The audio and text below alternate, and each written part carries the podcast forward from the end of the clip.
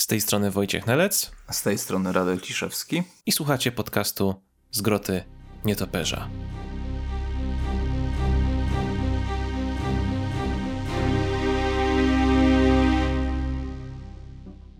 Witajcie drogie osoby słuchające w kolejnym odcinku z Groty Nietoperza, podcastu serwisu Batcave, gdzie mówimy o rzeczach Batmanowych i tych z Batmanem związanych. E, I Radku, e, dzień dobry w dziesiątym odcinku. Bardzo, dzień dobry, witam. Bardzo miła, fajna, okrągła liczba. Dziękuję Detektyw za zaproszenie. Tak, tak. Dziękuję za zaproszenie. Ja panu nie przerywałem. Czy jakoś tak? Jakoś tak. Czas leci, Wojtek, czas leci. Czas leci, tak. Jak, jak się czujesz e, przy nagrywaniu dziesiątego odcinka? Mm, jeszcze nie czuję tej sławy i tych kontraktów reklamowych, ale myślę, że to za chwilę nastąpi. Telefon milczy naraz od takich firm różnych, wiesz, sponsorujących, ale ale, ale no, no, no doczekam się na pewno. Doczekam się. No tak, doczekamy się i będziemy mieć segmenty sponsorowane, będziemy reklamować te e, VPN-y, e, czy jakieś tam te gry MMO online, mobilne, czy coś tam, nie wiem. Aha, Będą tak. kontrakty. Tak. Słuchaj, no. no te gry mobilne to zarabiają takie miliardy dolarów, że że nawet takie firmy jak Blizzard to wiesz, inwestują w to, nie? Więc coś jest na rzeczy, nie? To sugerujesz, że będziemy reklamować Blizzarda? W sensie, że będziemy mieć sponsorowany podcast od Blizzarda? Aż tak wysoko będziemy mierzyć? Ja bym coś chciał z Batmanem związane, sponsorowanie po prostu tylko, a... To z Fortnite'em byśmy się musieli może dogadać. Z Fortnite'em? No, czemu nie? Czemu nie? A grałeś już? Nie. Nie, nadal nie, nadal czekam na nowy komputer, żeby móc cokolwiek odpalić. Jasne. Tylko Fortnite się odpala na starych też, więc y, słaba wymówka. Mm, mój komputer e, e, jakiś czas temu się potrafił wywalić przy nagrywaniu e, czegoś z mikrofonu, więc nie, nie przeceniałbym jakoś jego umiejętności okay. czasem. Okej, okay, okej. Okay. No, ale na telefonie też jest Fortnite chyba. Więc jaka jest tutaj twoja wymówka? Mam jakieś 300 mega wolnego miejsca w pamięci telefonu. To trzeba pousuwać różne stare rzeczy. Mhm, pewnie. Do, wziąć kredyt i kupić nowy telefon, no co? Cytując klasyka. Mamy w sumie idealne czasy na kredyty. Ale okej, okay. E, zeszliśmy bardzo mocno wtopikowo. E, ludzie pewnie nie mogą się doczekać, o czym będziemy dzisiaj e, mówić. A mamy bardzo, bardzo rozbudowaną sekcję naszego standardowego pierwszego punktu rozmowy, czyli nowości na rynku komiksowym w Polsce.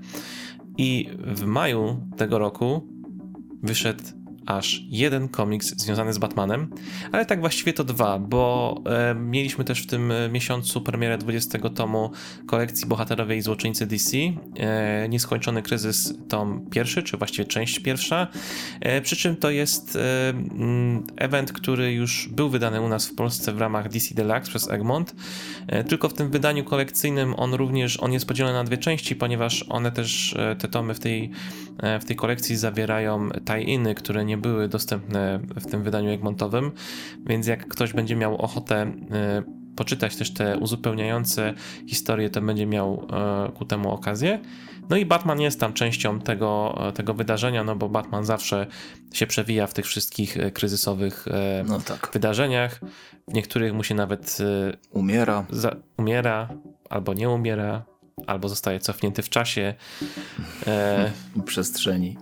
Tak, to jest. Nie, właśnie wtedy tylko w czasie. W Final Crisis tylko to było właśnie przemieszczenie w czasie, bo Grant Morrison opowiadał, że Mhm. W, tym, w tym komiksie Re, Re, Re, Return of Bruce Wayne tak. jeden z numerów miał być osadzony w Rzymie, mhm. w starożytnym Rzymie, ale Morrison stwierdził, że nie, nie, nie. Batman był tylko przeniesiony w czasie, ale nie w przestrzeni, więc wszystko musi się odbywać w Gotham. Czyli tam jak y, rysował te y, malunki w jaskini, tam miał tą skórę taką, to też było Gotham, tylko jeszcze nie było Gotham. No to była przecież, to była Batcave. Ach, to było centralnie Batcave nawet. Tak. Tak, bo w, później w, w, Batman and Robin, jak e, e, był któryś zeszyt, gdzie właśnie Dick z Damianem chodzili po tam jakichś e, bardziej e, takich, wiesz, ukrytych zakątkach tej jaskini nietoperza i tam znajdywali te e, niektóre rzeczy, które Bruce po sobie zostawił. A gdzie wszyscy inni, którzy zostali trafieni przez e, promienie Omega? To jest, to jest bardzo dobre pytanie. Być może te konkretne Też promienie się cofnęli Omega... w czasie i ach, to były inne konkretne promienie. Tak, to mogły być inne konkretne promienie Omega. Wiesz, tam był cały wielki plan tego wszystkiego. Cały wielki Skąd plan. indziej wylata, wyleciały te promienie może? Tak, może. E, więc tak, więc nieskończony kryzys podzielony na dwie części, na dwa tomy. Ta część pierwsza to tom 20. No ale ta jedna konkretna premiera, która nas interesuje, to jest e, komiks Joker Harley Zabójczy Umysł. E, komiks, o którym w ogóle w tym momencie porozmawiamy sobie trochę dłużej, zarówno bez spoilerów teraz, a w dalszej części podcastu będziemy już się odnosić do konkretnych elementów tego komiksu, więc będziemy mieć dyskusję wypełnioną spoilerami, więc e, tutaj od razu ostrzegamy, że e, później, gdy do, dotrzemy do tego momentu, to będziemy już e, mówić o wszystkim, co w tym komiksie w środku jest. Tak jest. I to jest komiks z linii Black Label, czyli z te albumy, które są przeznaczone dla dojrzałego, dorosłego czytelnika. I o ile rzeczywiście no, różnie są odbierane te ograniczenia wiekowe w komiksach, to tutaj środek tego komiksu, mhm. Y, te ostrzeżenie jest jak najbardziej tak. moim zdaniem tak. adekwatne. Tak. Dla dorosłych, no, no zdecydowanie nie, nie bez powodu. Nie? Dokładnie i to jest, y, to jest w ogóle tak, że y, pamiętasz jak, jak, jak było to ta, ta, jedna taka linia, czy taki tekst jakby reklamowy na okładce któregoś polskiego semika z, z 91 czyżby znowu Joker? No tak, bo pamiętam, no, no. No właśnie i ja bardzo byłem podekscytowany jakby pomysłem Black Label, tylko właśnie, czyżby znowu Joker? -hmm. Ciągle tylko te komiksy z Batmanem i Jokerem. No, zgadza się. Tak. I szczerze mówiąc, kiedy ten, bo kupowałem ten tytuł jak wychodził, e, w pewnym momencie przestałem go czytać, bo wiele komiksów przestałem czytać z powodu braku czasu, ale e, kupowałem go z takim troszeczkę niesmakiem, w tym sensie, że ileż to mogą ciągle tak. cisnąć to samo. I oczywiście z perspektywy wydaje mi się takiej osoby jak ja, czy takiej osoby jak ty, to jest 150 komiks z Jokerem i to jest nuda, mhm. ale z drugiej strony to jest w sumie dobry chwyt marketingowy, bo yy, osoby, które są jakby spoza czytania tego, osób, które czytają komiksy, no to dla nich to będzie jakby super jakby punkt wejścia, nie? Niezobowiązująca powieść graficzna, nie musisz znać 500 innych komiksów, 500 innych historii, możesz po prostu kupić komiks i, i, masz wszystko w jednym albumie, prawda? No tak, no i znasz postać, no nawet jak nie siedzisz w tym, no to wiesz kto to jest Joker i prawdopodobnie już też wiesz kto to jest Harley, nie? Tak, A jakby zrobili, tak. nie wiem, o Clayface'ie trzecim na przykład, to wow. wiesz, nie do końca by każdy wiedział, nie? Jakby się mogło tak nie sprzedać, nie? No ale to, to mnie właśnie troszkę bo ja starałem się nie czytać recenzji mm, tego albumu, nie, nie, nie wiedziałem o co chodzi tam. I szczerze mówiąc, on mnie trochę zaskoczył, bo ja właśnie trochę sceptycznie tak podchodziłem, tak jak ty mówisz, że zobaczyłem, no dobra, no kupię, no bo nowy komiks z Batmanem, DC Black Label, może coś fajnego, ale mówię, ale kurczę, znowu Joker i znowu Harley i mówię, co będą takie wątki jak z Harlin na przykład, która też niedawno była wydana. No i trochę mnie wziął z zaskoczenia ten album, powiem ci szczerze. On mnie wziął podwójnie z zaskoczenia, nawet bym powiedział, bo tak, mamy tutaj całkiem taką e, rozbudowaną ekipę osób rysujących, bo jest Mike Mayhew, jest Miko e, Suayan, Jason Badower, ale za scenariusz odpowiada Kami Garcia, która to jest autorka książek, która została zrekrutowana do DC w ramach tego e, projektu komiksów e, linii dla, e, linii dla młodzieży. I ona odpowiada przede wszystkim za ten cykl e, o Teen Titans, gdzie był najpierw komiks o Raven, Beast Boyu, później z tą dwójką, teraz w, na początku przyszłego roku będzie o Robinie, Damianie Wayne.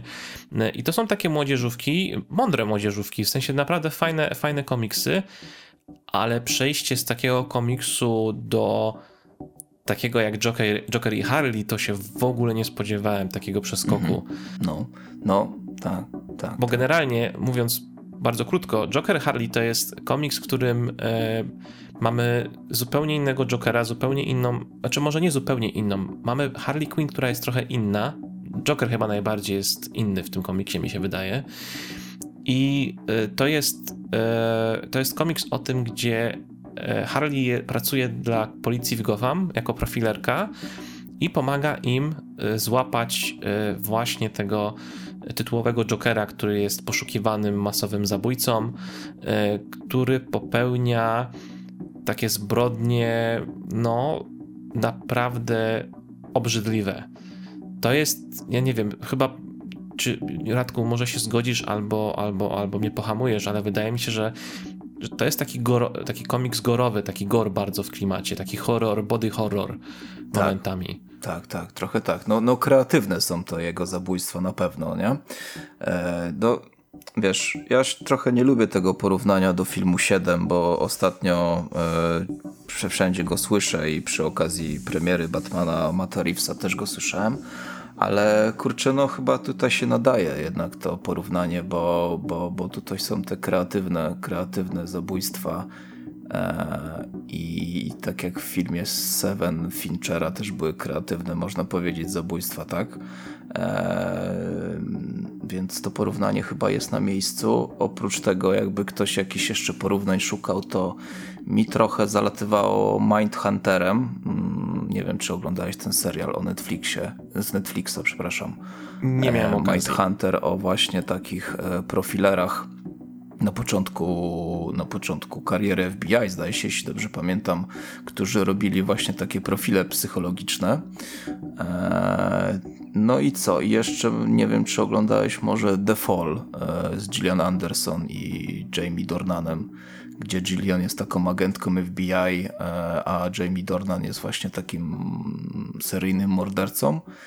Troszkę też mi trochę zalatywało, bo, bo ta Harley przypomina mi troszkę właśnie Gillian Anderson, z tym, że Harley jest bardziej brutalna, bo, bo Gillian z tego co pamiętam z tego serialu to, to była taka spokojna, stanowcza, ale, ale no nie używała za bardzo przemocy.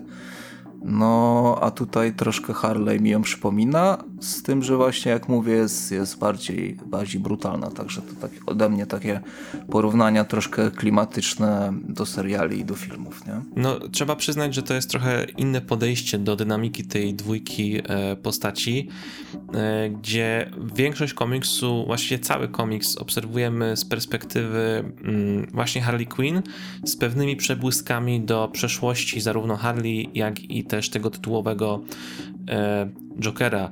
I tak jak już wspomniałem wcześniej, ten Joker jest zupełnie inny i jakby mm, jest, e, jest w tym komiksie złamana taka trochę jakby niepisana zasada, że nie mówi się o przeszłości Jokera, a tu mamy komiks, w którym on jest, widzimy go, jakby wiemy kim on jest, widzimy tak. co go popchnęło do tego, co robi mhm. i e, i dla niektórych może się to wydać kontrowersyjne, ale to jak Kami Garcia podeszła do tego e, komiksu, realizacji całego scenariusza, dla mnie zrobiło to ogromne wrażenie. I to jest na tyle przerażające, że po prostu to wszystko, co jest tutaj napisane o tym Jokerze, jest niepokojąco realistyczne. Mhm, tak, tak, tak. No i to druga niepisana zasada, moim zdaniem, jeszcze, że mm, rzadko bardzo e, słyszymy monolog wewnętrzny Jokera, nie? W komiksach. O.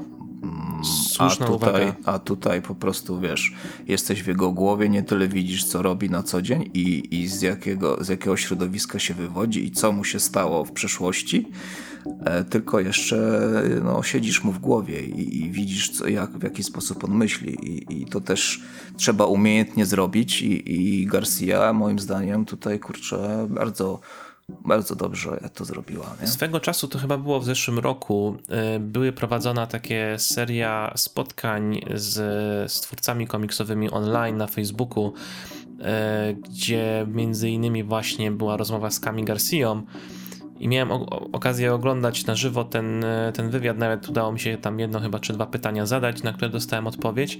I chyba pamiętam, że właśnie, nie wiem czy to było z mojego pytania, czy to już Kami Garcia sama odpowiedziała, y, że właśnie jak to jest przechodzić z pisania takiej młodzieżówki do takiego komiksu jak Joker Harley i wspomniała, że właśnie jest rzeczywiście tak, że to są zupełnie jakby dwa, e, wiesz, mindsety, nie? Że nie możesz pisać dwóch rzeczy naraz. Musisz się albo nakierować na pisanie jed na, na, jedną rzecz, a do tej drugiej musisz mieć zupełnie inne nastawienie i e, Kami Garcia zrobiła też taki bardzo porządny research pod mm -hmm. kątem tej tematyki, którą tutaj e, poruszała, czyli właśnie e, pracy profilerów policyjnych, to jak działają takie osoby jak Joker czy inni e, mordercy, którzy są tam wspomniani, bo tam mhm. zarówno chyba i fikcyjnych i prawdziwych zdaje się. E, tak, dlatego mówię, że mi troszkę tym Mindhunterem zaleciało, bo tam byli wspomniani e, faktycznie autentyczni mordercy, którzy właśnie tam też w tym seriale występują, nie?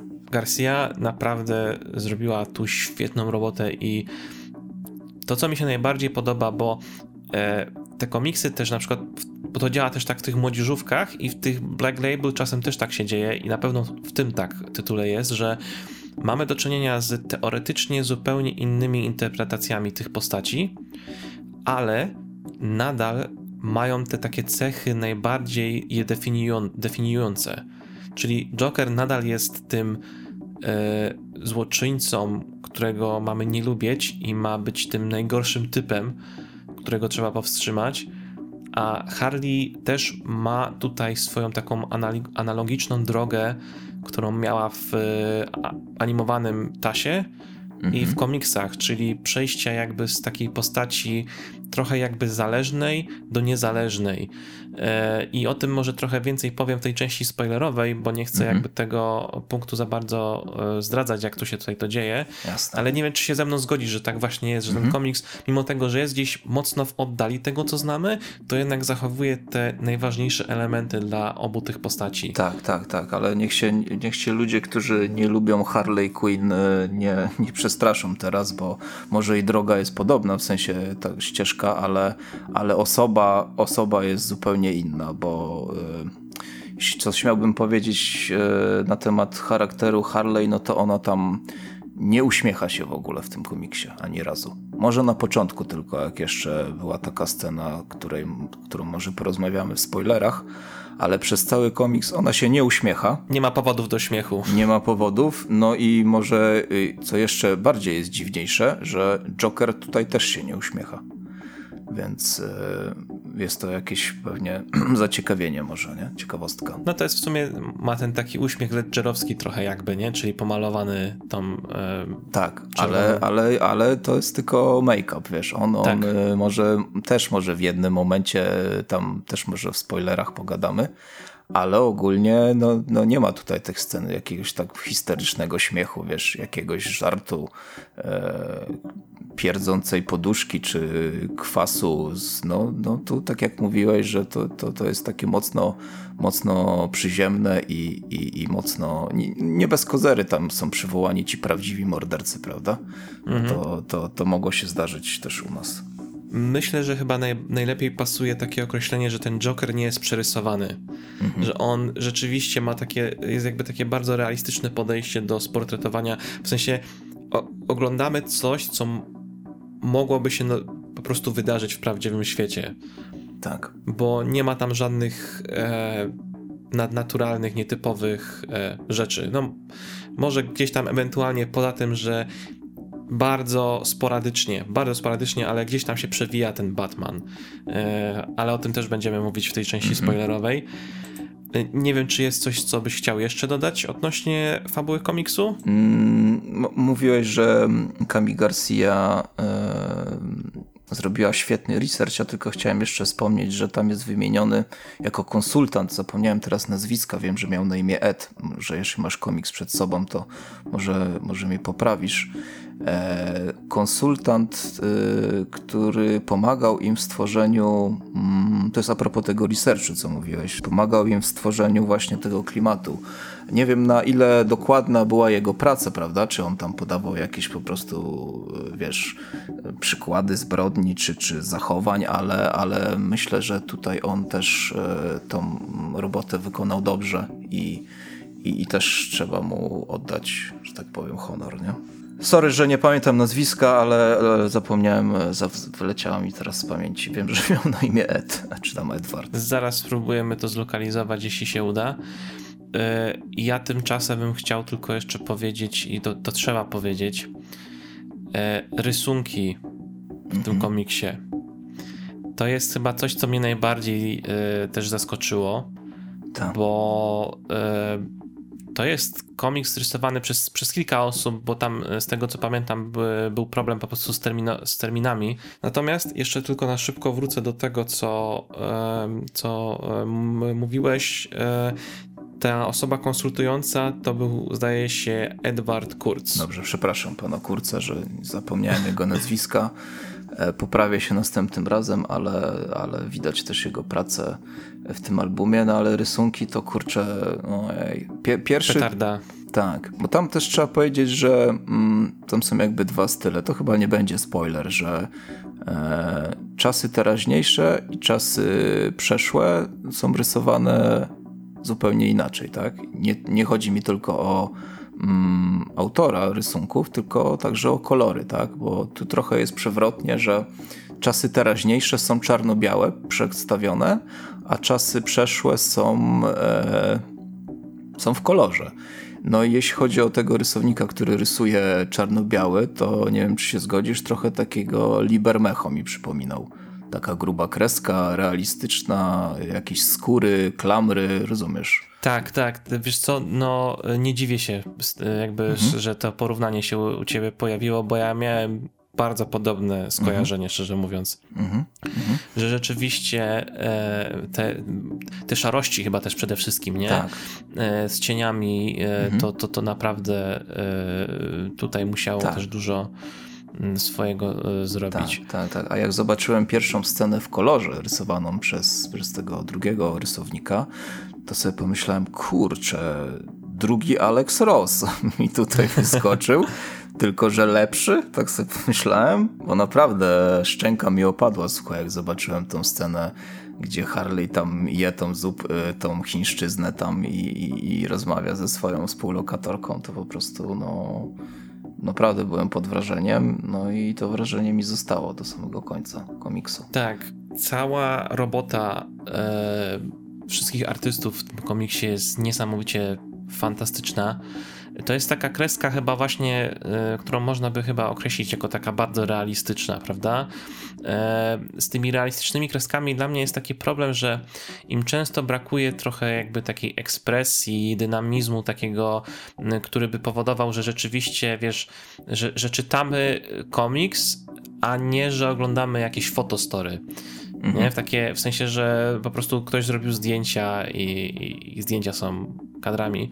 No bo jednak ja na przykład w komiksie oczekuję, żeby jakoś jakby artystycznie to było właśnie też czymś, co mhm no, nie do końca odzwierciedla, yy, może inaczej, że to jest coś, czego nie zobaczę po prostu w prawdziwym świecie, nie? Taki fotorealizm.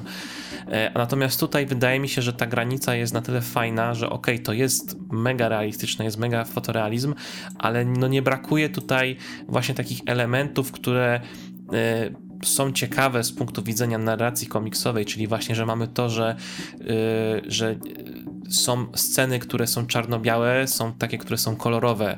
Są sceny, gdzie na przykład występuje w pewnym mhm. momencie kolor. Tak. Szminka na przykład tylko, nie? Na przykład cała postać jest w szarości, w czerni i bieli, ale na przykład szminka jest tylko czerwona, tak? Albo, albo włosy jego. O tym mówisz? Tak, tak, dokładnie tak.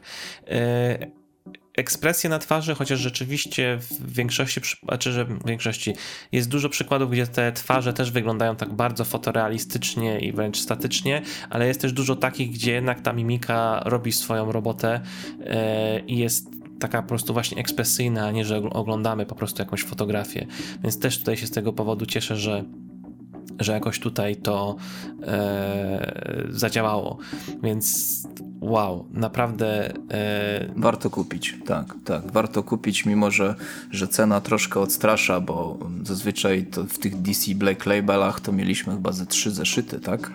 W Wonder Woman były chyba cztery, a, ta, no, a tutaj mamy zdaje się dziewięć więc tak. to też wpłynęło na cenę, no plus wiadomo, ten, ceny papieru i tak dalej, inflacja i tak dalej, ale no y, moim zdaniem warto, warto sobie kupić ten album i, i, i niech się nikt nie boi, y, niech się, ten kto się przestraszył, że ojej, znowu Harley tu będzie latać z jakimś wielkim młotkiem, przebrana za kolorowe ciuszki, to, to spokojnie, to, to, to nie jest to.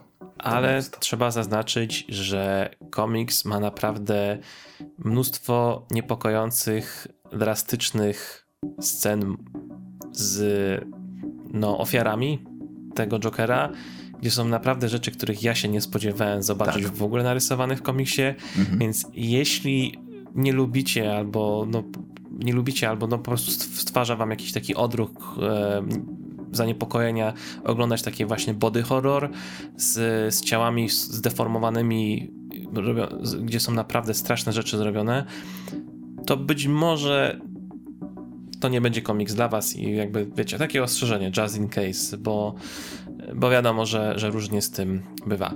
E, na razie na tyle, jeśli chodzi o ten komiks. Wrócimy do niego już e, niedługo w tym samym odcinku, żeby troszeczkę spoilerowo porozmawiać. Natomiast e, kolejny punkt, który mamy tutaj wypisany, to jest taka w sumie bardzo ważna rzecz, no, smutna rzecz, bo odeszli od nas no, dwie bardzo ważne osoby dla świata komiksu amerykańskiego i Batmana, bo e, pod koniec kwietnia zmarł Neil Adams w wieku 80 lat e, i zmarł również w maju George Perez w wieku 67 lat. Dwie ogromne legendy e, DC Comics i nie tylko.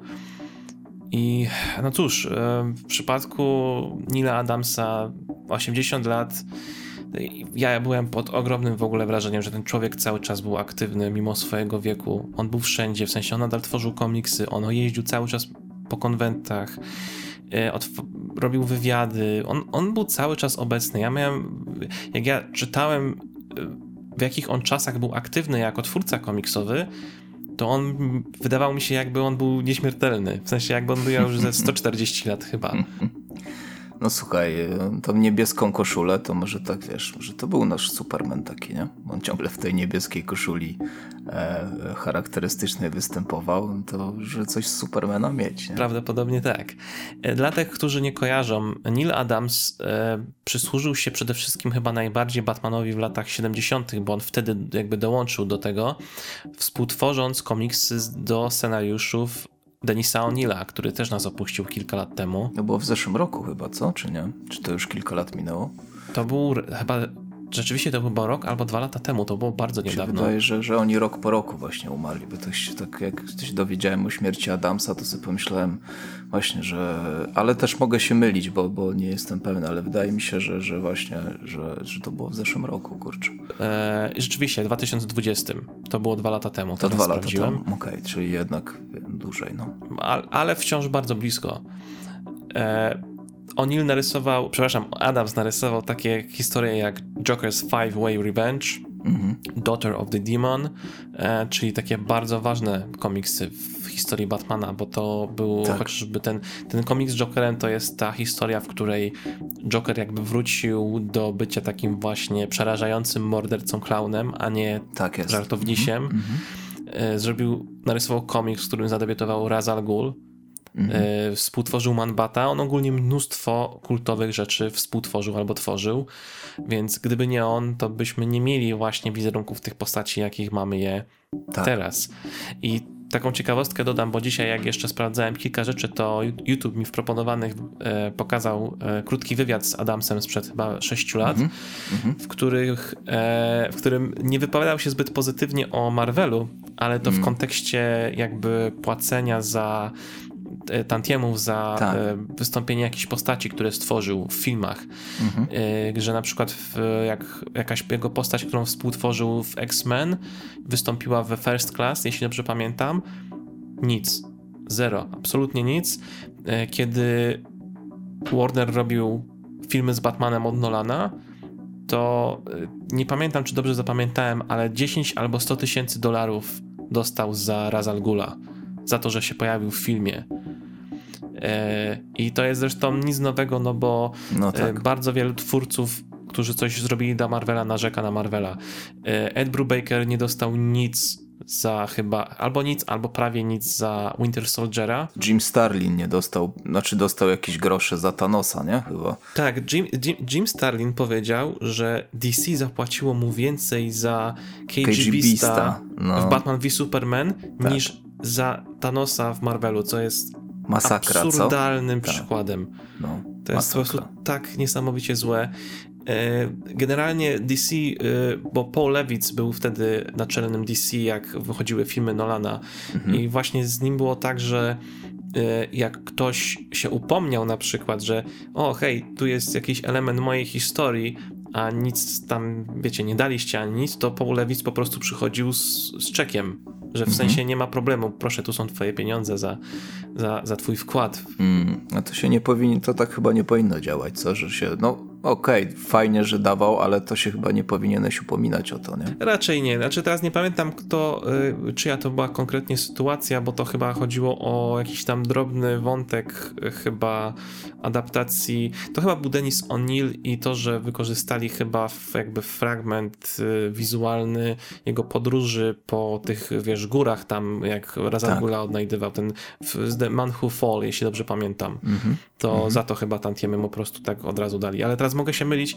ale wiem, że była taka sytuacja, że gdzieś tam był jakiś taki, wiesz, pomniejszy element, taki, wiesz, nie aż tak jakoś mo- mocno znaczący i po prostu ktoś po- przyszedł, powiedział i jakby dostał to, te pieniądze bez problemu. No, y, Mhm. Adams dostał pieniądze za Ra's al Ghula, bo to była jedna z głównych postaci tej trylogii właściwie, nie? Tak. E, więc tu nie było problemu.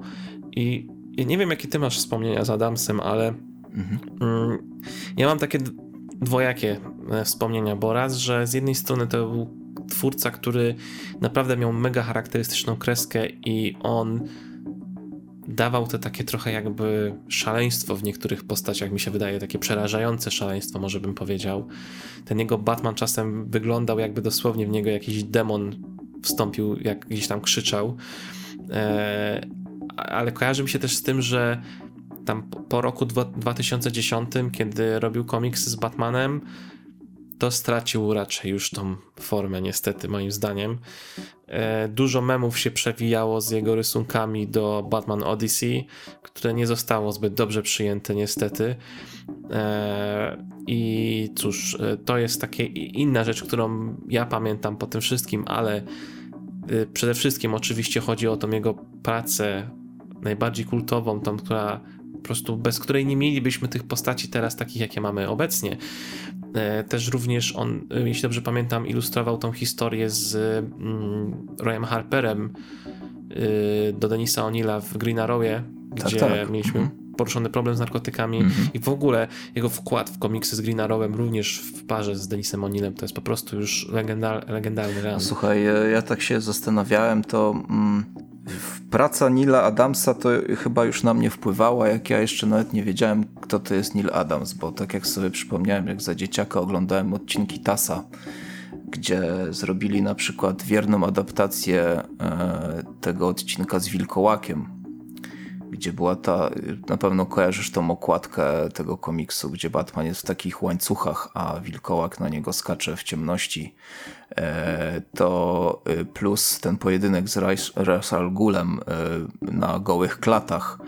I ja to wtedy oglądałem za dzieciaka i to mi się bardzo podobało, a, a dopiero potem gdzieś tam odkryłem, że cholera, to, to jest bazowane na, na twórczości O'Neilla i na rysunkach Adamsa, tak? którzy, którzy, którzy to stworzyli, więc, więc ten Adams miał na mnie wpływ. Perez, George Perez troszkę mniej, bo e, no chyba można powiedzieć, że George Perez był takim specjalistą od komiksów, e, gdzie jest bardzo dużo postaci, nie? że, że chyba takich drużynowych, a to mnie nigdy, to mnie nigdy specjalnie nie, nie, nie interesowały takie drużynowe zadymy, mm, ale no powiem ci, że czytam sobie teraz e, Batman and the Outsiders e, Mike'a Bara i Jima Aparo. I pierwszy tom, tom, tom starej, tej starej serii i e, był tam crossover z, no, z Tytanami. I jeden odcinek w tym tomie właśnie rysuje George Perez i powiem ci, że e, z całym szacunkiem dla Jima Aparo, ale no, świetnie byli narysowani ci outsiderzy i naprawdę, no, że kiedy czytałem ten odcinek, to żałowałem, że kurczę, szkoda, że, że cały album nie jest narysowany przez tego pana, więc, e, więc to taka ciekawostka. Oprócz tego przeglądałem sobie ostatnio crossover Justice League z Avengers, gdzie mm, to wiesz, ten, ten album, co wydał, to chyba 7 tysięcy egzemplarzy teraz, co z, przy okazji, wiesz, e, trochę brzydko powiem, przy okazji śmierci Pereza wydało DC. E, ja tego nie mam, ale mam to w takich e, zeszytach, po prostu takich cienkich albumach. To są takie cztery albumiki. I nie dość, że to jest jeden właśnie z najlepszych crossoverów, jakie czytałem pod względem fabuły i jakości, to jeszcze też pod względem grafiki właśnie gdzie te wszystkie postaci się mieszają i, i, i, po prostu Batman walczy z Kapitanem Ameryką. No świetne, to jest po prostu polecam, polecam ten komiks. No ale jeśli chodzi o te, jeszcze o tym Adamsie, co mówiłeś, że on, że on walczył o, o, o, o prawa dla twórców i tak dalej, to też przeczytałem sobie ostatnio, że mm, on dla Sigela i Schustera zrobił dużo, nie? Że jak się dowiedział, że mm, tam jakieś, już nie pamiętam dokładnie o co, chodzi, o co chodziło, ale no wiesz, takie zadymy prawne z Supermanem, że oni tam zrezygnowali, e, to jakieś tam rysunki robił promocyjne chyba, nie? I, I, ogólnie można powiedzieć, że Adams e, walczył o prawa twórców e, poprzednich pokoleń i też następnych. Jeśli chodzi o poprzednie pokolenia, to mm, też stanął za Jackiem Kirby, nie? Kiedy on odszedł z Marvela, zdaje się, po jakiś tam jak zwykle problemach z tantiemami i tak dalej. A to, co mnie zaskoczyło, to to, że on na przykład jeszcze walczył o prawa. Mm, nie wiem za bardzo, jak to powiedzieć, bo e, był ten nazista dr Mengele, nie? U, tam u Hitlera, kojarzysz na pewno, nie? Co on robił i tak dalej. Mm, to on miał taką panią, która rysowała mu, e, rysowała mu ciała albo, albo, albo rysowała mu temu doktorowi właśnie rysowała mu jakieś właśnie sceny, jakieś projekty i tak dalej. I dowiedziałem się, że Neil Adams później walczył o, o te rysunki, żeby to powróciło do niej lub powróciło do jej rodziny, już nie pamiętam, bo te rysunki pierwotnie znalazły się w muzeum niemieckim i walczył o to, żeby, żeby e, coś, co należy do niej, jego twórczość, to wróciło do, do jej rodziny, prawda? To jest taka, taka ciekawostka, no, taka przyjemna, nie? że nawet o coś takiego potrafił Neil Adams walczyć. Nie? Tak, dla, dla kontekstu, bo o Adamsie wspomniałem o tym w tym newsie na, na Batkiem, jak pisałem, bo chyba nie, mm -hmm. nie powiedziałem chyba o tym teraz jak rozmawialiśmy, tak, albo przynajmniej mi się tak wydaje. I mhm. tak, Adams przede wszystkim był znany też z tego, no on po prostu walczył dla, dla artystów, tak, no bo tak. on, to się chyba wzięło z tego, że on sam po prostu w, gdzieś tam na początku y, wpadł w jakąś tam pułapkę i potem stwierdził, że on będzie mm -hmm. po mhm. prostu pomagał wszystkim innym, żeby nie popełniać jakichś błędów, które są popełniane w tym biznesie e, tak przez, przez szczególnie młodych artystów, którzy nie wiedzą, jakie mają prawa. On e, przychodził tam z jakimiś umowami, czy pisał na tych umowach dla tych nowych ludzi, nie podpisujcie tego, e, bo to jest, bo to was skrzywdzi.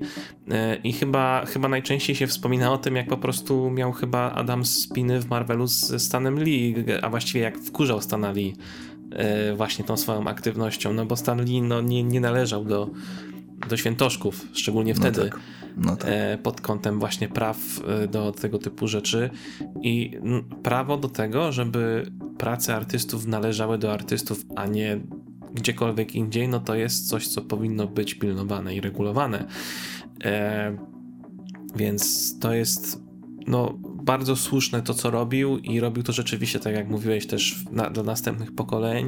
On po prostu szczerze i otwarcie mówił, jak jest i to, co, na, co wypadałoby robić, co, jakby pomagał, tak, w tym kontekście, tak więc jest. to jest bardzo ważne. Mhm. Był tak bardzo jest. aktywny pod tym kątem. A jeśli chodzi o George'a Pereza, to, e, ten, e, to wznowienie, o którym mówiłeś, tego crossoveru, ono jeszcze zdążyło wyjść za życia Pereza e, w 7 tysiącach, tak jak mówiłeś, 7, 7 albo 7,5 tysiąca egzemplarzy, mm -hmm. która sprzedaż właśnie miała, cała, cała kwota ze sprzedaży szła na ten Hero, A, okay, okay. Heroes Initiative, mm -hmm. która właśnie działa na wsparcie artystów komiksowych w potrzebie no bo sporo artystów, scenarzystów, ktokolwiek, co, kto pracuje przy komiksach, to są zwykle ludzie, którzy y, pracują na zlecenia dla tych wydawców. To nie są ich y, no tak. pracownicy na stałe, chyba że tam się ma ekskluzywny kontrakt. Mhm. Bardzo mało jest pewnie osób twórczych, które mają rzeczywiście cały czas wsparcie wydawcy, jeśli chodzi na przykład o kwestie zdrowotne ale właśnie na przykład jak, jak Brave był w potrzebie, to jest bohater nasz, twojego filmiku ostatniego na naszym kanale na YouTube, jak Brave miał problemy zdrowotne, to DC zaczęło wznawiać właśnie komiksy od niego, mhm. E, z jakby tom e, z, w tym, w tym kontekście, żeby wesprzeć właśnie tantiemami mhm. Brave e, To było, to było tak dosyć impulsywnie zrobione, że nawet Alan Grant się zdziwił, E, wspomniał, to nie pamiętam, czy on to wspomniał na, e, w internecie, czy on to mhm. miał okazję wspomnieć, jak się z nim, z nim rozmawiałem podczas festiwalu w Łodzi, że po prostu pewnego dnia przyszła do niego przesyłka z wielkim pudłem Legends of the Dark Knight Norm Brayfogle i, i mówi wow, w sensie nie, nie wiedział w ogóle nic mm -hmm. o tym mm -hmm. i że coś takiego jest. Więc no, takiego typu działania występują, ale dużo osób, i to zanim przejdę jeszcze do moich jakby wspomnień z Perezem, bo żeby już później, żeby zamknąć już ten temat też, tak. dużo osób nie jest świadomych, że fakt, że ten crossover DC i Marvela został wznowiony, to jest to było prawie niemożliwe do zrobienia. To jest w sensie jedna z tych sytuacji, gdzie to nie miało się prawie w ogóle prawa zdarzyć, ale się udało jakimiś tam resztkami sił tych wszystkich osób, które o to działały. Nie znam dokładnie całej historii tego. Z tego, co ja kojarzę i gdzieś tam się dokopałem, to y, fakt, że to było w tak limitowanym nak- nakładzie mhm. i że jakby największym przeciwnikiem tego byli, zdaje się, prawnicy Disneya, którzy są mhm. właścicielami Marvela. E, podejrzewam, że albo po prostu wizerunkowo może nie chcieli po prostu nie wiem, pozwalać na wydrukowanie czegoś, co ma w sobie DC i Marvela, albo chcieli mhm. na tym więcej zarobić, albo nie chcieli y, właśnie się za bardzo angażować w coś, co miało pomóc jakiemuś artyście, bo zaraz, wiesz, inni tak. artyści będą się domagać swojego, a jest masa artystów, którym Marvel w ogóle nie pomógł no właśnie. E, finansowo, chociażby chyba e, ojejku, Bill Mantlo, tak się nazywał ten artysta, odpowiedzialny mm -hmm. za Rocket Raccoona, który mm -hmm. też prawie mm -hmm. chyba nic nie dostał za Strażników Galaktyki i e, więc mogło być dużo powodów, dla których tak to było problematyczne, ale udało się. I przez to, że były już i tak wielkie problemy, żeby to dopchać i, do, i domknąć do tego momentu, nie spodziewałbym się, żeby ten komiks był przedrukowany w innych krajach, na przykład w Polsce, bo wiem, że dużo osób w Polsce się o to dopytuje i wolę ostudzić zapał. Raczej nie ma szans, że coś takiego się u nas na przykład pojawi, bo skoro w Stanach Zjednoczonych to wypuszczono tylko w 7 tysiącach egzemplarzy pod banderą właśnie tej e, fundacji amerykańskiej, a nie konkretnego wydawcy, no to tym bardziej nikt się nie zgodzi tam. Ten, ten, kto był przeciwko temu, to tym bardziej nie pozwoli, żeby to poszło w przedrukach gdzieś dalej. Więc nie spodziewam się, żeby to w ogóle miało miejsce. Absolutnie. E, więc to tak uspokajam. Jakby no tak, pozostaje polować na jakieś, wiesz, mm, rynki wtórne i tak dalej, ale no to raczej chyba nie będzie za, za często licytacji tego przedmiotu, nie? Atom Comics wystawił jeden egzemplarz na licytację, e, chyba na rzecz Ukrainy, zdaje się, e, mhm. fundusze miały pójść, zebrane w ramach tej licytacji. Licytacja się skończyła chyba na ponad 1000 złotych no, za, za, ten jeden egzemplarz. Ja to wydanie miałem w ręku, bo o. znam jedną osobę, która, która w Polsce ten komiks ma. E, miałem go w ręku, przeglądałem, wygląda fajnie. Wiadomo, fajn, znacznie fajniej by było, gdyby to był masowy produkt, bo na pewno by też dla tej fundacji by to działało lepiej. No ale gdzieś tam e, ta pazerność prawników i prawa wygrała nad sprawą słuszniejszą, prawda? Jak zwykle zresztą. Jeśli chodzi o Pereza, to e, bardzo mi było przykro, jak się dowiedziałem o tym, że właśnie w zeszłym roku wykryto u niego ten nowotwór, z którym no, nie dało się po prostu już wygrać i dano mu od pół roku do 12 miesięcy. E, no, dla mnie to był też e, no, taka trochę, taki trochę nieprzyjemny, pod, nieprzyjemnie podwójnie, bo no, mieliśmy w tym, mieliśmy w społeczności komiksowej kolegę o, z podobną właściwie sytuacją mm -hmm. Krzysia Tymczyńskiego, więc jakby to tak, wiesz, podwójnie Jasne. zadziałało. E, ja Pereza jakby Perez miał ten czas, w którym spędził go z rodziną, odwiedzał mnóstwo ludzi, mnóstwo ludzi go odwiedzało. Ja na fanpage'u, który był prowadzony właśnie o Perezie, widziałem cały czas zdjęcia, jak właśnie odwiedzał rodzinę, jak twórcy komiksowi go odwiedzali, jak Dan Didio i Jim Lee zaprosili go do siedziby DC, żeby poprowadzać go, porozmawiać, jakieś prywatne y, sesje autografów dla pracowników zrobić. Więc no, dostał tej miłości, mam nadzieję, dużo e, w tym czasie. Zresztą nawet była jakaś akcja robiona, gdzie fani mogli wysyłać swoje filmiki i wszystkie te filmiki były mu na zasadzie pozdrowień i że każdy miał powiedzieć o swoim ulubionym momencie Pereza z komiksów. Ten deadline, chcia, sam chciałem coś nagrać, ale deadline po prostu był taki, że nie dałem rady w ogóle nic z tym zrobić. Perez najbardziej mi się kojarzy, bo słusznie powiedziałeś, te wielkie wydarzenia, kryzys na nieskończonych ziemiach, to jest chyba taki, taka rzecz, która najbardziej się będzie chyba kojarzyć z jego twórczością. Ale mnie najbardziej e, w pamięci zapadnie jego praca nad e, Tytanami. The New Teen Titans, New Titans, e, jego twórczość z lat 70. I jak, jak ja czytam te jego komiksy z tamtych lat, to jakby jego, jego kreska jest taka, że, że nie czytasz kolejnego masowego komiksu superbohaterskiego. Czytasz ten konkretny, świetnie zrealizowany, narysowany komiks superbohaterski. On naprawdę miał tak fajną, e, fajną kreskę, gdzie czytając tę historię, traktowało się je na poważnie, w sensie nie, że wiesz o jakaś sztywniacko, tylko po prostu dla mnie to działało tak, jakbym po prostu czytał rzeczywiście Y, jakby te rysunki powodowały, że, że czułem bardzo mocno to, co się dzieje w tych komiksach, że to są prawdziwe emocje, prawdziwi ludzie, y, a nie jacyś, y, wiesz, postaci, które są w fikcyjnym świecie, gdzie strzelają laserami z oczu i tak dalej. No Tylko tak. rzeczywiście jego rysunki mnie bardzo angażowały w to, co się dzieje. I taka naj, naj, komiks, który najbardziej mi zapadł w pamięci, i to jest właśnie tak jakby moja ulubiona rzecz, którą bym w tym filmiku wymienił, to jest e, The New Teen Titans numer 38. To jest mhm. historia Who is Donna Troy. E, to jest e, historia, która w Polsce się pojawiła jako dodatek do 27 tomu wielkiej kolekcji komiksów DC Comics.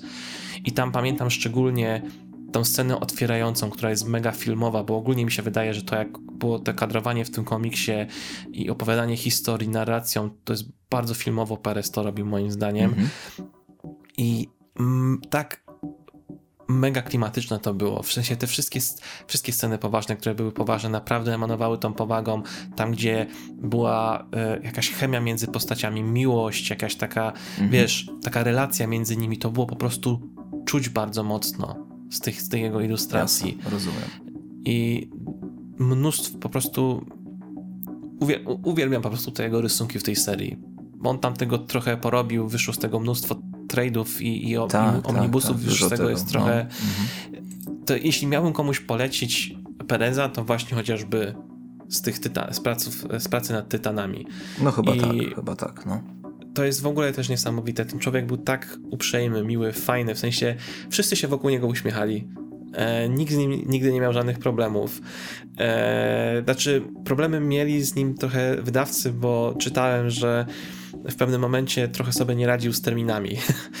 E, ale bo tam w pewnym momencie robił coś dla DC i dla Marvela, no to z czego chyba dla Marvela y, tą rękawicę nieskończoności, jeśli dobrze pamiętam, do Starlina, bo on chyba to rysował, ale nie skończył tego rysować. Właśnie, chyba po, po kilku zeszytach, więc no, brał pewnie trochę więcej niż był w stanie zrobić, ale wow, co to była za postać, która była po prostu wszędzie i... No podobnie jak Adams, nie? Podobnie jak Adams też. On też rysował w, w jednocześnie chyba tych X-Menów.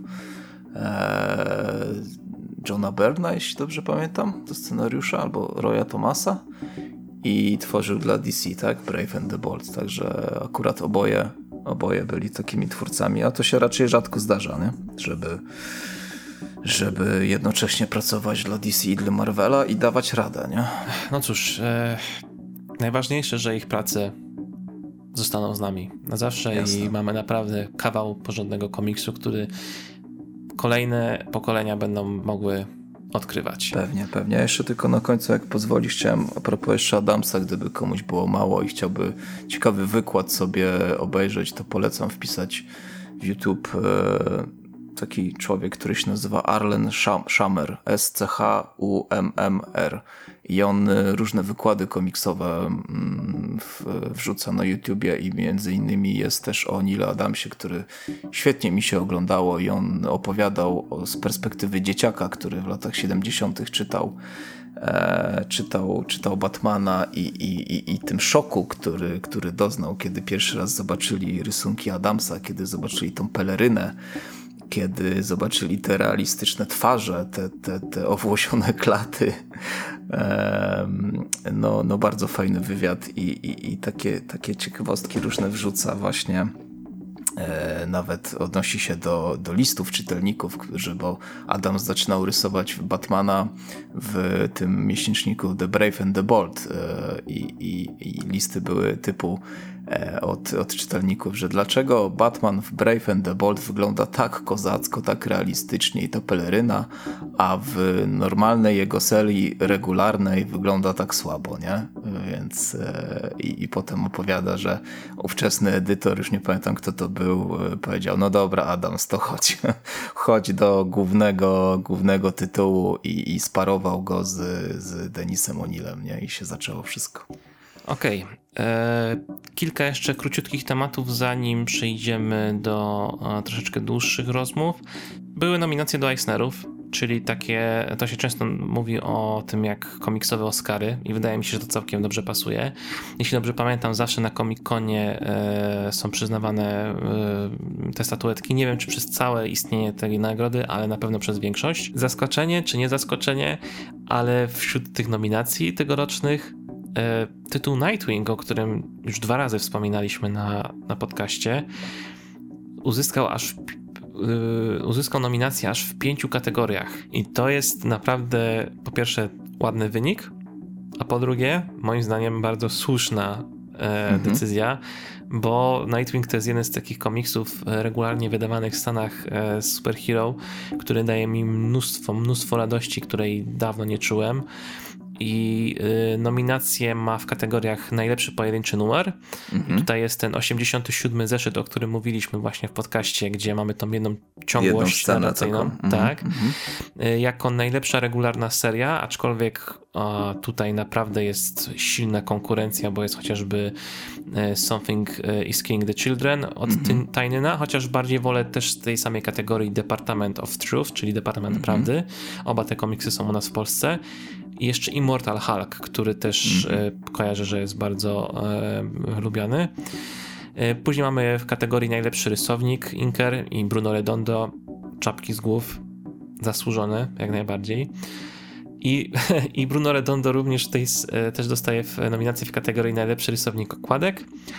I jeszcze mamy nominację w, zdaje się, chyba liternictwie Eee, czy, czy, czy, czy, czy to już nie jest Nightwing? Czy już. Nie, tak, tak, tak. Nightwing w wydawnictwie Wes Abbott. Eee, są, są jeszcze e, właśnie James Tynan, e, który e, pisał Batmana, pisał Jokera i kilka innych różnych komiksów z DC, bo już teraz bardziej jest niezależnie. Ma nominację do, w kategorii najlepszy scenarzysta tam jeszcze jest Ram V, który teraz chyba też będzie pisać e, Detective Comics. Tak jest. E, no i jeszcze mamy nominację dla Batman Wayne Family Adventures jako najlepszy webcomics i również się z tego cieszę, bo bardzo lubię ten webcomics. Mhm. Więc no, y, mam nadzieję, że Nightwing chociaż tą jedną statuetkę zgarnie, bo zasługuje. Moim zdaniem. Kurczę, no to mi wypada już bardziej się zainteresować. No, no, nie mam wymówek po prostu teraz, no muszę chyba sięgnąć po tego Nightwinga na, na poważnie. E, tylko, no właśnie, to chyba teraz w Polsce premiera to chyba już jest zaklepana, co? Może. Mam taką nadzieję. Oczywiście jest też kwestia tego, że no, pewnie Egmont e, trochę stopuje z wypuszczaniem nowych serii. No tak. E, ze względu tych problemów z papierem i cenami, ale no mam nadzieję, że jeśli coś ma wpaść, to właśnie ten Nightwing. Mm -hmm. Oby, oby. No a jak nie, to ja może przy okazji Omnibusa, bo pewnie też wydadzą kiedyś Nightwing Barry Tom Taylor, tak? To, I Bruno to, Redondo. I Bruno Redondo to pewnie, pewnie się zainteresuje też, no bo nie wypada teraz nie znać, nie? Mimo, Dokładnie. że tam za bardzo nie po drodze mi w e, historii Robinów byłych i obecnych. My się, mnie się wydaje, że będziesz mieć sporo frajdy z tego komiksu. To jest bardzo fajna rzecz taka na, na, na rozluźnienie i przy okazji naprawdę jest świetnie napisany i narysowany. O mój Boże, te rysunki po prostu są wisienka na torcie. Jasne. Kolejna rzecz, e, też rynek USA. E, ogłoszono serię e, one-shotów z Batmanem, a właściwie z łoczyńcami. Mhm. One Bad Day, czyli nawiązanie do Jokera i zabójczego żartu. Mhm. Będziemy mieć kilka one-shotów e, z różną grupą kreatywną i będą to komiksy o Riddlerze, Two-Face'ie, Pingwinie, Mr. Freeze, Catwoman, Bane'ie, Clayface'ie i w końcu o Ras Al Ghulu. Czyli mamy taką ekipkę. E, każdy komiks jest stworzony przez kogoś e, innego. Czy to będą komiksy osadzone w uniwersum, czy poza uniwersum, to jest w sumie chyba nie jakoś mocno uściślone. Pewnie to będą historie tego typu, że mogą być, ale nie muszą. Tak jak zresztą z zabójczym żartem też pierwotnie było. I mamy tutaj takich twórców, jak Tom King, Mitch Gerard, e, Mariko Tamaki, Javier Fernandez, e, John Ridley, e, Gary Dugan, e, G. Willow Wilson, Joshua Williamson, Colin Kelly, Jackson Lansing, Tom Taylor i Ivan Rice.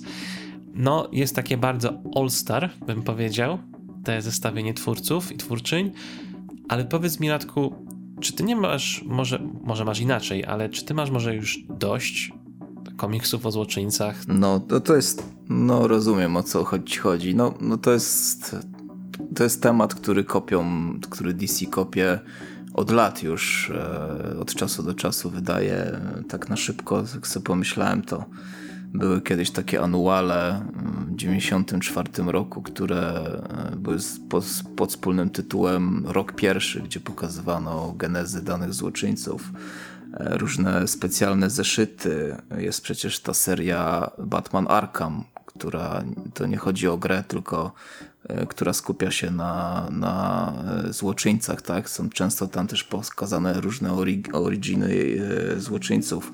Niedawno mieliśmy przecież, omawialiśmy w podcaście, jak to się nazywało? Anniversary Special Villains ten one Coś bardzo gdzie, długiego. Gdzie, tak, gdzie była ta historia danego DeVito z pingwinem, tak, więc no, to jest taka krowa, którą DC doi już od lat. Eee, kurczę, no wiesz, wszystko zależy od poziomu, nie, no bo nie każdy przeciwnik potrzebuje tego jednego złego dnia, tak? Eee, ale jeśli to jest dobrze zrobione, no to ja jestem na tak. Eee, wiesz, szczerze mówiąc, ty, ty mówisz, że, że, że to jest taki y, skład auto, autorów All Star, a ja tak właśnie, ja tak czytałem, to mi tak za bardzo te nazwiska, wiesz, y, skóry na karku nie, nie cierpnie, bo, bo no, no, czekam w sumie na tego Riddlera od Toma Kinga, no bo Tom King y, czasem umie naprawdę dobrze, dobrze napisać jakiś komiks. Oprócz tego może na Rashal Gula jeszcze, bo, bo Tom Taylor też pisze fajnie czasami, a tak to, to, to może na Mr. Freeza czekam, bo, bo nic, dawno z nim nic ciekawego nie przeczytałem. A tak to szczerze mówiąc, no ja to oczywiście kupię, jak wyjdzie zbiorczo za rok, czy tam za te 8 miesięcy, bo to ma być co miesiąc, tak, jeden odcinek.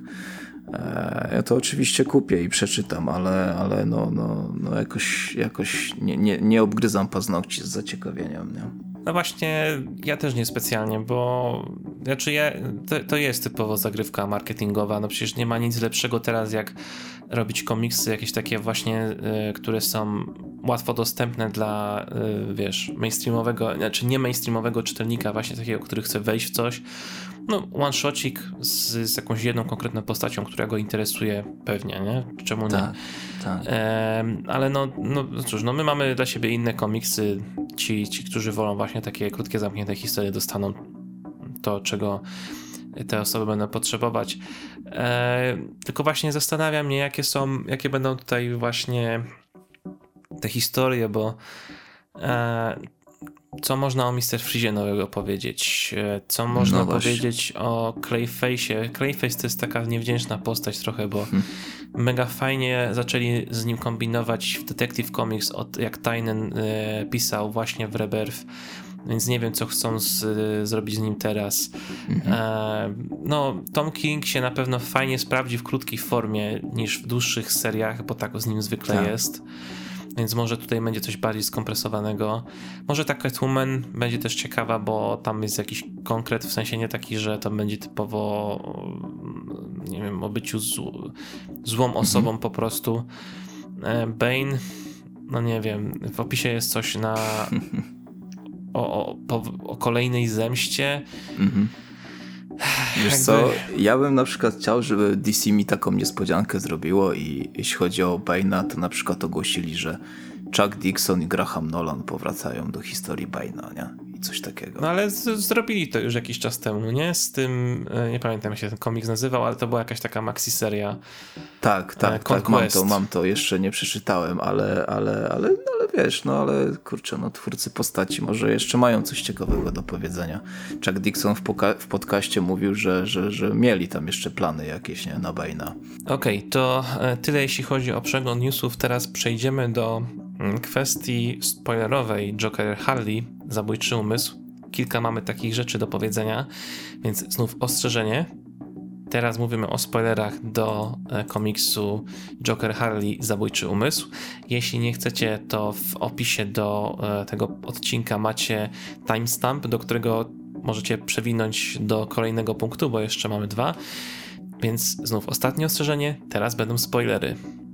Zatem Radku, bo ty miałeś kilka konkretnych, pamiętam, punktów do omówienia, zatem tak, oddaję tak. ci głos. Tak, no e, wiesz co, może zacznę od tego, że, że a propos właśnie spoileru, że ten, ten album mnie przekonał, żeby cały czas nie czytać opisów z tyłu e, na albumie, mm, bo ja już od lat, e, od lat staram się, wiesz, wejść w ten komiks na świeżo i nie czytać żadnych recenzji, nie oglądać może tylko troszkę o fabule, o czym to jest, żeby sprawdzić, czy to mnie zaciekawi. No bo tam z tyłu na, na opisie, na tylnej okładce jest, jest taki moim zdaniem spoiler, że, mm, że Harley znajduje swoją, swoją dziewczynę, swoją dziewczynę martwą. E, I to, że Joker ją zabił. Nie wiem, czy się zgodzisz ze mną, bo to dla mnie, dla mnie jest spoiler.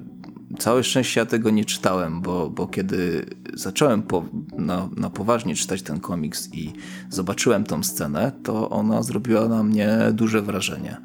E, więc e, gdybym wcześniej wiedział, że coś takiego się zdarzy, to, to myślę, że aż tak, aż tak bym się nie, nie, nie, nie, nie, nie zachwycał tą sceną. Nie wiem, czy, czy, czy, ty wiedziałeś już, że ona, że ona będzie ścigać Jokera, dlatego że e, no, taka osobistą krzywdę jej zrobił. Nie, nie wiedziałem o tym, natomiast mhm. no, Wiem, że ty też rzeczy... nie czytasz chyba opisów, nie? Z tyłu ani wstępów. Zgadza się. Nie, nie czytam w ogóle. E, już kilka złych doświadczeń z tym było. E, natomiast e, to fakt, jest to trochę spoiler, ale moim zdaniem są tu znacznie większe rzeczy do zrujnowania, że tak powiem, potencjalnie, więc jakby nie, nie, nie odebrałem tego jako jakiś taki, wiesz, wielki spoiler. E, no to rzeczywiście jest tam jakiś związek z tą motywacją dla, -hmm. dla Harley. Mm -hmm. Wiesz, można ale... było to napisać, że wiesz, do, do, dotknęła ją osobista krzywda jakoś albo coś takiego, nie? Nie -hmm. trzeba było, nie trzeba było, wiesz, bo to jest tłumaczenie, to, jest, to, to, to DC, to nie, po, polski wydawca nie odpowiada za to, prawda? To przecież jest y, tłumaczenie, to co oryginalnie DC sobie wymyśliło na okładce więc można to było jakoś zrobić lepiej, więc e, no, ten album mnie przekonał, że cały czas raczej nie, nie, nie zacznę czytać opisów z tyłu. Nie? Ja pamiętam a propos takich rzeczy, że w którymś tomie WKKDC e, autor wstępu do komiksu spoilerował jakiś taki właśnie plot twist któregoś komiksu i tam akurat pamiętam, że to przy, przy redagowaniu poprawialiśmy, żeby, żeby tego jednak tam nie było e, wspomnianego. Aha, nie, no proszę, nie, nie pamiętam, nie pamiętam czy chodziło o, czy chodziło o y, tożsamość hasza, mhm, haszu, mhm. albo o coś y, innego, mhm. chyba, albo coś z Jasonem Toddem chyba, y, coś tak kojarzę, Jasne. ale wiem że, wiem, że gdzieś coś takiego było, albo to mógł być też zupełnie inny komiks, ale na pewno coś poprawialiśmy, pamiętam, przy, przy, mhm przy, przy, przy robieniu tego, jak na, przy, miałem okazję przy tym pracować, przy polskich edycjach. No, no to, to dobrze, to dobrze, bo, bo jak najmniej takich rzeczy i ja się chyba sparzyłem najbardziej, pamiętam kiedy przeczytałem opis Gotham Central, jak kupowałem, ale nie te polskie wydania, tylko lata temu amerykańskie chyba przy drugim albumie było napisane, że e, za, za... Nie mów, nie mów, nie mów, bo zaspoilujesz komuś innemu. no dobra, okej. Okay. Ale było napisane, kto odpowiada za, za krzywdę, która się dzieje e, jednej z policjantek tam w Gotham Central. I było bezczelnie napisane, kto to jest, więc e, a po, potem przeczytałem tą fabułę i fabuła była budowana tak, że wiesz, tak stopniowo, od, stopniowo odsłaniali karty. Nie było to wprost powiedziane, więc e, scenarzyści na pewno nie chcieliby, żeby czytelnik wiedział tego od razu, nie? No ale wracając do, do, do tych, do, do, do Joker Harley, to mi się bardzo podoba, że w komiksach z Batmanem cały czas często jest tak, że nie zapominają o, o poprzednich twórcach, e, a mam tu na myśli różne takie odniesienia jak nazwy ulic, nazwy, nazwy miast, e, które są sygnowane nazwiskiem twórcy dane, e, kiedyś, który pracował przy Batmanie, zarówno scenarzysty, jak i rysownika, bo nie wiem, czy na przykład zauważyłeś, że mm, ta scena, kiedy jest młody Joker jeszcze z rodzicami w sklepie, kiedy kupują mu e, tą zabawkę, mm, to jak się nazywa ten sklep? Nie wiem, czy zauważyłeś. A wiesz, aż, aż sobie muszę sobie sprawdzić, bo akurat tego nie wychwyciłem. Wychwyciłem inno, inne nawiązanie, które było, bo tam gdzieś jeden chyba lekarz miał na nazwisko Dini chyba, albo Tim. Mhm, to było tak, to był ten kolaż taki Brusa, e, Brusa Tima i Paula Diniego, no, no, no, tak. tak, tak, tak, tak. Ale ten sklep, o którym ja mówię, nazywa się mm, Brayfogl Electronics, e, mm. więc e, też, też bardzo fajny taki smaczek. Oprócz tego bardzo mi się podobała mm, ten zeszyt specjalny, to był zdaje się jakiś tam special, gdzie, mm, gdzie były te akta, tak? E, tak. Gdzie i tam na przykład masz mapę Gotham City, nie wiem czy też zwróciłeś uwagę, i tam jest mnóstwo, i tam jest Aparo Bridge, i tam jest Bob Kane, coś tam, i tam jest jakiś Robinson Park, i tam jest y, po prostu no, mnóstwo takich bardzo ciekawych rzeczy. Jeżeli ktoś lubi takie właśnie motywy, o których mówię, no to, to tam jest dużo do wyłapania, nie? Tak, tak. Tutaj, tutaj są, są też takie e, silniejsze trochę też powiązania, e, znaczy mniej, e, inaczej, mniejsze albo większe powiązania z takimi bardzo kanonicznymi rzeczami, jeśli chodzi o świat DC. No bo na przykład w finałowej scenie koncertu zespołem supportującym ten główny to jest ekipa od Black Canary na przykład, mhm. którą mhm. nawet widzimy. E, w jednej scenie. Ten je, e, jeden nawet trochę Olivera przypomina, nie? Ten z brodą taki, co tam, e, nie wiem, czy też takie odniosłeś wrażenie. On tam jest niewymieniony ani, ani z nazwiska, ani nic, ale no taki trochę, ta brudka trochę mi się tak skojarzyła, nie? Jest jego jakiś pomocnik jej czy coś? Chyba może jakiś roadie może, albo fan, ale tak, tak, wiem, wiem, wiem co masz na myśli. I jeszcze na przykład to, że y, finałowa scena konfrontacji Harley z Jokerem jest przy, przy Ace Chemicals. Tak. Tak, Więc tak, też, tak, też to było tak. fajne. Y, I jeszcze były jakieś takie pomniejsze chyba elementy, no bo mhm. wiadomo, występuje też, gdzieś tam jest wspomniany Firefly, jest e, tak.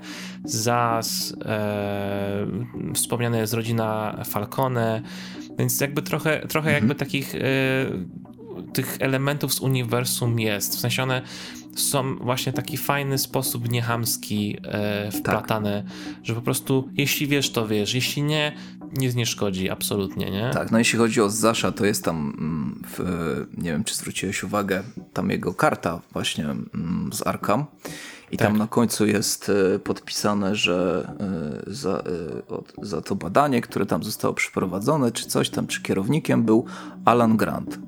A. Tak. Grant przez Zaszu, więc kurczę, ja bardzo doceniam takie rzeczy i, i, i to, to chyba Kami Garcia chyba to wymyśliła, nie? No bo, bo bo, no bo kto, kto to tak, za takie rzeczy odpowiada, nie? Jak nie scenarzysta. Znaczy, wiesz, nie, niewykluczone, że po prostu, e, wiesz, cała ekipa, nie? Też rysownicy i tak dalej mogli od, jakby sobie, wiesz, sami dodawać takie elementy, każdy coś po trochu od mhm. siebie, mhm. więc albo to jest właśnie albo od Kami Garcia, albo może jakoś grupowo to sobie tak ustalali, ale no to są ludzie, którzy ewidentnie po prostu yy, wiesz, no, robisz komiks z Batmanem, no to chcesz wziąć udział w, w -hmm. robieniu tych wszystkich nawiązań, które się robi właśnie od lat w tych, w tych komiksach, no tak. nie? Więc to no. były naprawdę no. rzeczywiście fajne, fajne smaczki takie. Świetne, świetne to jest, nie? Jeszcze, jeszcze o jednym, o jednym wspomnę, bo tam jest taka scena, że Joker jakby, mm, kiedy on popełnia te pierwsze zbrodnie swoje, kiedy jeszcze tam jest nastolatkiem, to ma czerwony kaptur. Nie wiem, czy zwróciłeś uwagę na sobie i to było takie też e, oczywiste nawiązanie do, e, do Red Hooda, tak? Do jego przyszłości Jokera, jednej z e, możliwych wariantów przyszłości, tak? Mhm. Więc, więc to też mi się bardzo podobało, że, że, że niby szczegół, niby detal, ale jak dużo ci daje radochy, prawda? Kiedy to wyłapiesz. Mhm. No bo to oczywiście nie jest przypadek, że on miał czerwony kaptur, tak? I, i, i, i, i mordował, mordował tych ludzi, to, że to był jego kostium, tak jakby, nie? No, ale okej, okay, e, bo mamy kilka takich trochę um, mięsistych bardziej rzeczy, o, o których mi wspominałeś e, odnośnie tego komiksu. E, ja, więc, bo, bo miałeś chyba takie dwa główne tematy, które pamiętam, że mi wspominałeś, że chcesz poruszyć e, przy okazji e, przy okazji rozmowy o tym komiksie. I wcześniej chyba wspominałem o tym, że to jest komiks o tym, gdzie gdzieś ten Batman się przewija w tle. Ale gdzie? Czy ktoś go widział, czy nie? No właśnie, on gdzieś tam, gdzieś tam był na zdjęciu, e, chyba w którejś tam wiadomościach czy w gazecie. No i mamy go we flashbacku. E, gdzie, w tej jednej scenie, tak. Tak, bezpośrednio występuje w jednej scenie, tam gdzie widzimy tą e, śmierć matki przyszłego Jokera, która, która jakby w, no była tym jakby punktem zapalnym do tego wszystkiego, co spowodowało, że on się stał tym Jokerem, prawda? No tak, czyli, czyli można by powiedzieć, że co, że, że znowu Batman miał, miał e, bezpośredni wpływ na powstanie Jokera, nie? W jakimś stopniu, no. Tylko, że e, no właśnie, bo jeżeli coś mógłbym zarzucić temu komiksowi w ogóle, to, to jest to, że ja bym bardzo chciał... E, żeby te sprawy wszystkie to rozwiązywał Batman jednak, nie? Żeby on tam się żeby on tam się pojawiał, wiesz, żeby te, te, te trupy, te, te, te, te takie makabryczne, wiesz, te poszywane ciała z manekinami, e, te, te wytopiony tłuszcz i tak dalej, to żeby on tam się jednak gdzieś kręcił, wiesz, i swoją jakąś inteligencją e, próbował rozwiązywać te sprawy i, i, i, no wiadomo, że to, to nie jest minus, to jest tylko takie moje widzimisię, prawda? Ale no no kurczę, no, no przydałby mi się tam Batman i właśnie, i, i gdzie on jest? No bo on tam jest wspomniany i co twoim zdaniem e, się stało z Batmanem? E, bo wiesz, jest też różnica wieku, prawda? No bo kiedy y, młody Joker John jest tam, kiedy ginie mu mama, no to już Batman działa jakiś czas y, w Gotham, więc oni nie są rówieśnikami na pewno, nie? Więc co, jedna z możliwości to jest, y, że przeszedł na emeryturę, myślisz? E, wiesz co, szczerze mówiąc raczej nie, e, ale no w sumie trochę trudno szukać jakiegoś innego tropu, co się stało z tym Batmanem, bo o ile jakby y, z jednej strony, no, wiesz, jakby ten Batman się pojawiał e, w tych wszystkich scenach, o, którym, o których mówisz, to moim zdaniem to by trochę jakby, wiesz, zaburzało też to skupienie się na postaci Harley, która jest jakby tą główną bohaterką tego komiksu tutaj. E, no z drugiej strony jest to rzeczywiście dziwne, że go tam nie ma. Więc to by mogło sugerować kilka rzeczy. Jedno to, że no gdzieś zniknął i go nie ma rzeczywiście. Czy to może być emerytura, a może już y, działa na mniejszą skalę. Tam jest gdzieś w jednym, w jednym momencie wskazane, że Batman jest tam gdzieś już nieobecny od kilku tygodni, więc nie wiem, może jest po spotkaniu z Bane'em, albo ktoś go przetrzymywał w kanałach. Wiadomo, nie? No jakby tutaj rozwiązań może być, można sobie dopowiedzieć więcej. W sensie nie potrzebuję, szczerze mówiąc, tej informacji, ale to jest dobra zagwostka do, do, do rozmyślań. Eee, wiesz, eee, ja nie wiem, czy to się trochę nie będzie łączyć z, chyba z tą drugą rzeczą, którą chcesz poruszyć, jeśli chodzi o ten komiks, więc jeszcze o niej nie powiem. E, ale no wydaje mi się, że a, no nie, no to jest, to jest dobra rozkmina, czy, czy, y, bo jeszcze jest kwestia tego, bo może jego współpraca, z, dlatego go nie ma na miejscach zbrodni, bo może w tym świecie Batman nie ma dobrych kontaktów z policją. No bo ta cała jego akcja, którą, w której brał udział, gdzie ten samochód z tą rodziną od naszego Jokera wylądował w rzece, no to wyglądało tak trochę amatorsko z jego strony, w sensie tak. nie przejął się tym w ogóle na miejscu, tylko dalej jakby ścigał kogoś, więc jasne, może to jest... Jasne, no ale wiesz, ale to, to no masz rację, ale to, to nie tłumaczy na przykład dlaczego, wiesz, kontakty z policją okej, okay, że nie wpuszczają go, nie wpuszczają go na śledztwa i tak dalej, na miejsce zbrodni, ale to na przykład nie tłumaczy dlaczego on tam się nie pojawił na tym koncercie, tak, gdzie, gdzie ten gaz był, albo w takich miejscu publicznym, jak właśnie Vice Chemicals tam, gdzie, gdzie, gdzie było to przecież transmitowane tam z tego helikoptera, czy, czy, czy ogólnie była zadyma. E, wiesz, czemu on się w takich miejscach nie pojawiał, nie? Że, że w ogóle tam, że w ogóle tam, no, no on, on zniknął i, i, i, i gdzie on jest?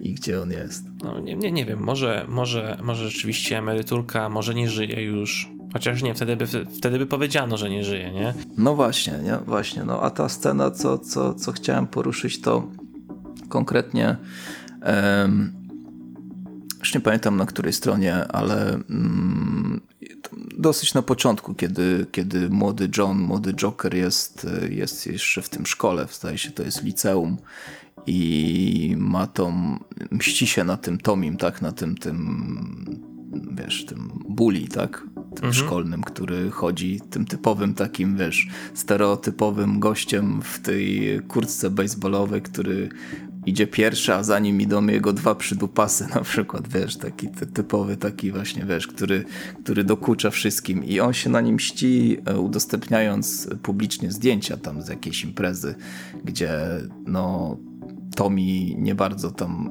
się zachowywał porządnie jest scena, w której e, John potrąca go przed szkołą, kiedy Tommy wychodzi. Mm, potrąca go e, ramieniem i tam mówi mu parę słów takich, e, no, do wiwatu mu daje.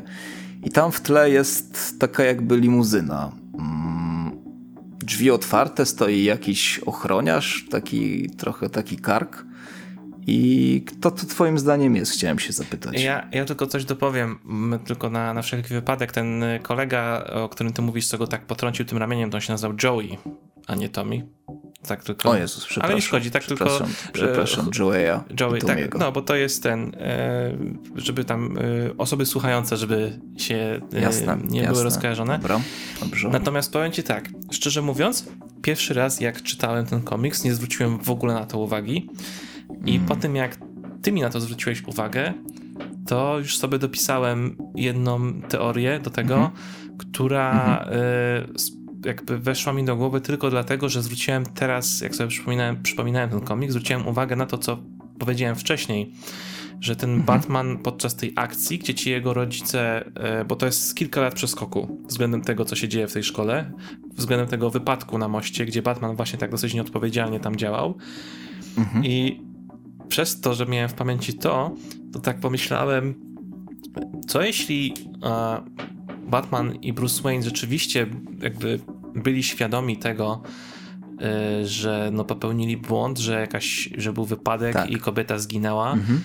i mhm. on po prostu obserwował z ukrycia tego, tego, tego dzieciaka, czy wszystko z nim w porządku. Mhm. I przestał być Batmanem dlatego, że spowodował śmierć, wypadek i y, chłopiec stracił mamę, tak?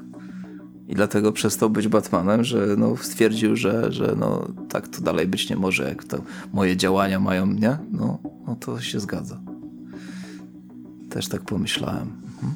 Więc coś w tym było, aczkolwiek e, teraz właśnie jest chyba tylko jeden problem z tą teorią, bo teraz nie pamiętam, w którym to momencie było, ale wydaje mi się, że e, w jednym z flashbacków, gdzie właśnie jeszcze jest Harley i e, jest ten motyw chyba właśnie z tą e, Eddie, z tą, z tą jej dziewczyną, mhm. to mhm. tam chyba jest gdzieś właśnie ta, ta, ta, scena z telewizji, gdzie jest mówione o tym, że Batman jest e, od kilku tygodni nie, nie był widziany. A to było mhm. po kilka lat po tej akcji z tą, z tą szkołą no w ogóle. Tak. Więc coś, coś, e, coś, coś tutaj co, mhm. coś tutaj się dzieje, ale e, ciężko powiedzieć. O, czekaj, nawet znalazłem tą scenę, gdzie właśnie jest, e, jak już Joker działa, jest tym swoim mhm. czerwonym kapturem już, o którym wspomniałeś. Mhm. I jest właśnie mhm. scena, gdzie e, on ogląda właśnie wiadomości na telefonie, że, e, że nie było od tygodni wieści o Batmanie. I że, i, że, i, i że tym nowym jakby obrońcą jest teraz ten, ta tajemnicza nowa postać. I, on, i ten, Joker, no tak. ten Joker, który jeszcze nie jest do końca Jokerem, jeszcze się denerwuje, że jest porównywany do Batmana. Masz rację, coś się tutaj nie zgadza, albo by trzeba było się bardziej e, wczytać w ten, w ten okres czasowy, gdzie to się dzieje. No bo w sumie ja sobie tak myślałem, że są, ten, ten ktoś, kto siedzi w tej limuzynie, to jeżeli to jest, y, to jest Bruce na przykład, nie? To, to czemu on ma otwarte drzwi i czeka jakby, i tam czeka jakiś ochroniarz, e, aż, aż ktoś wejdzie, nie?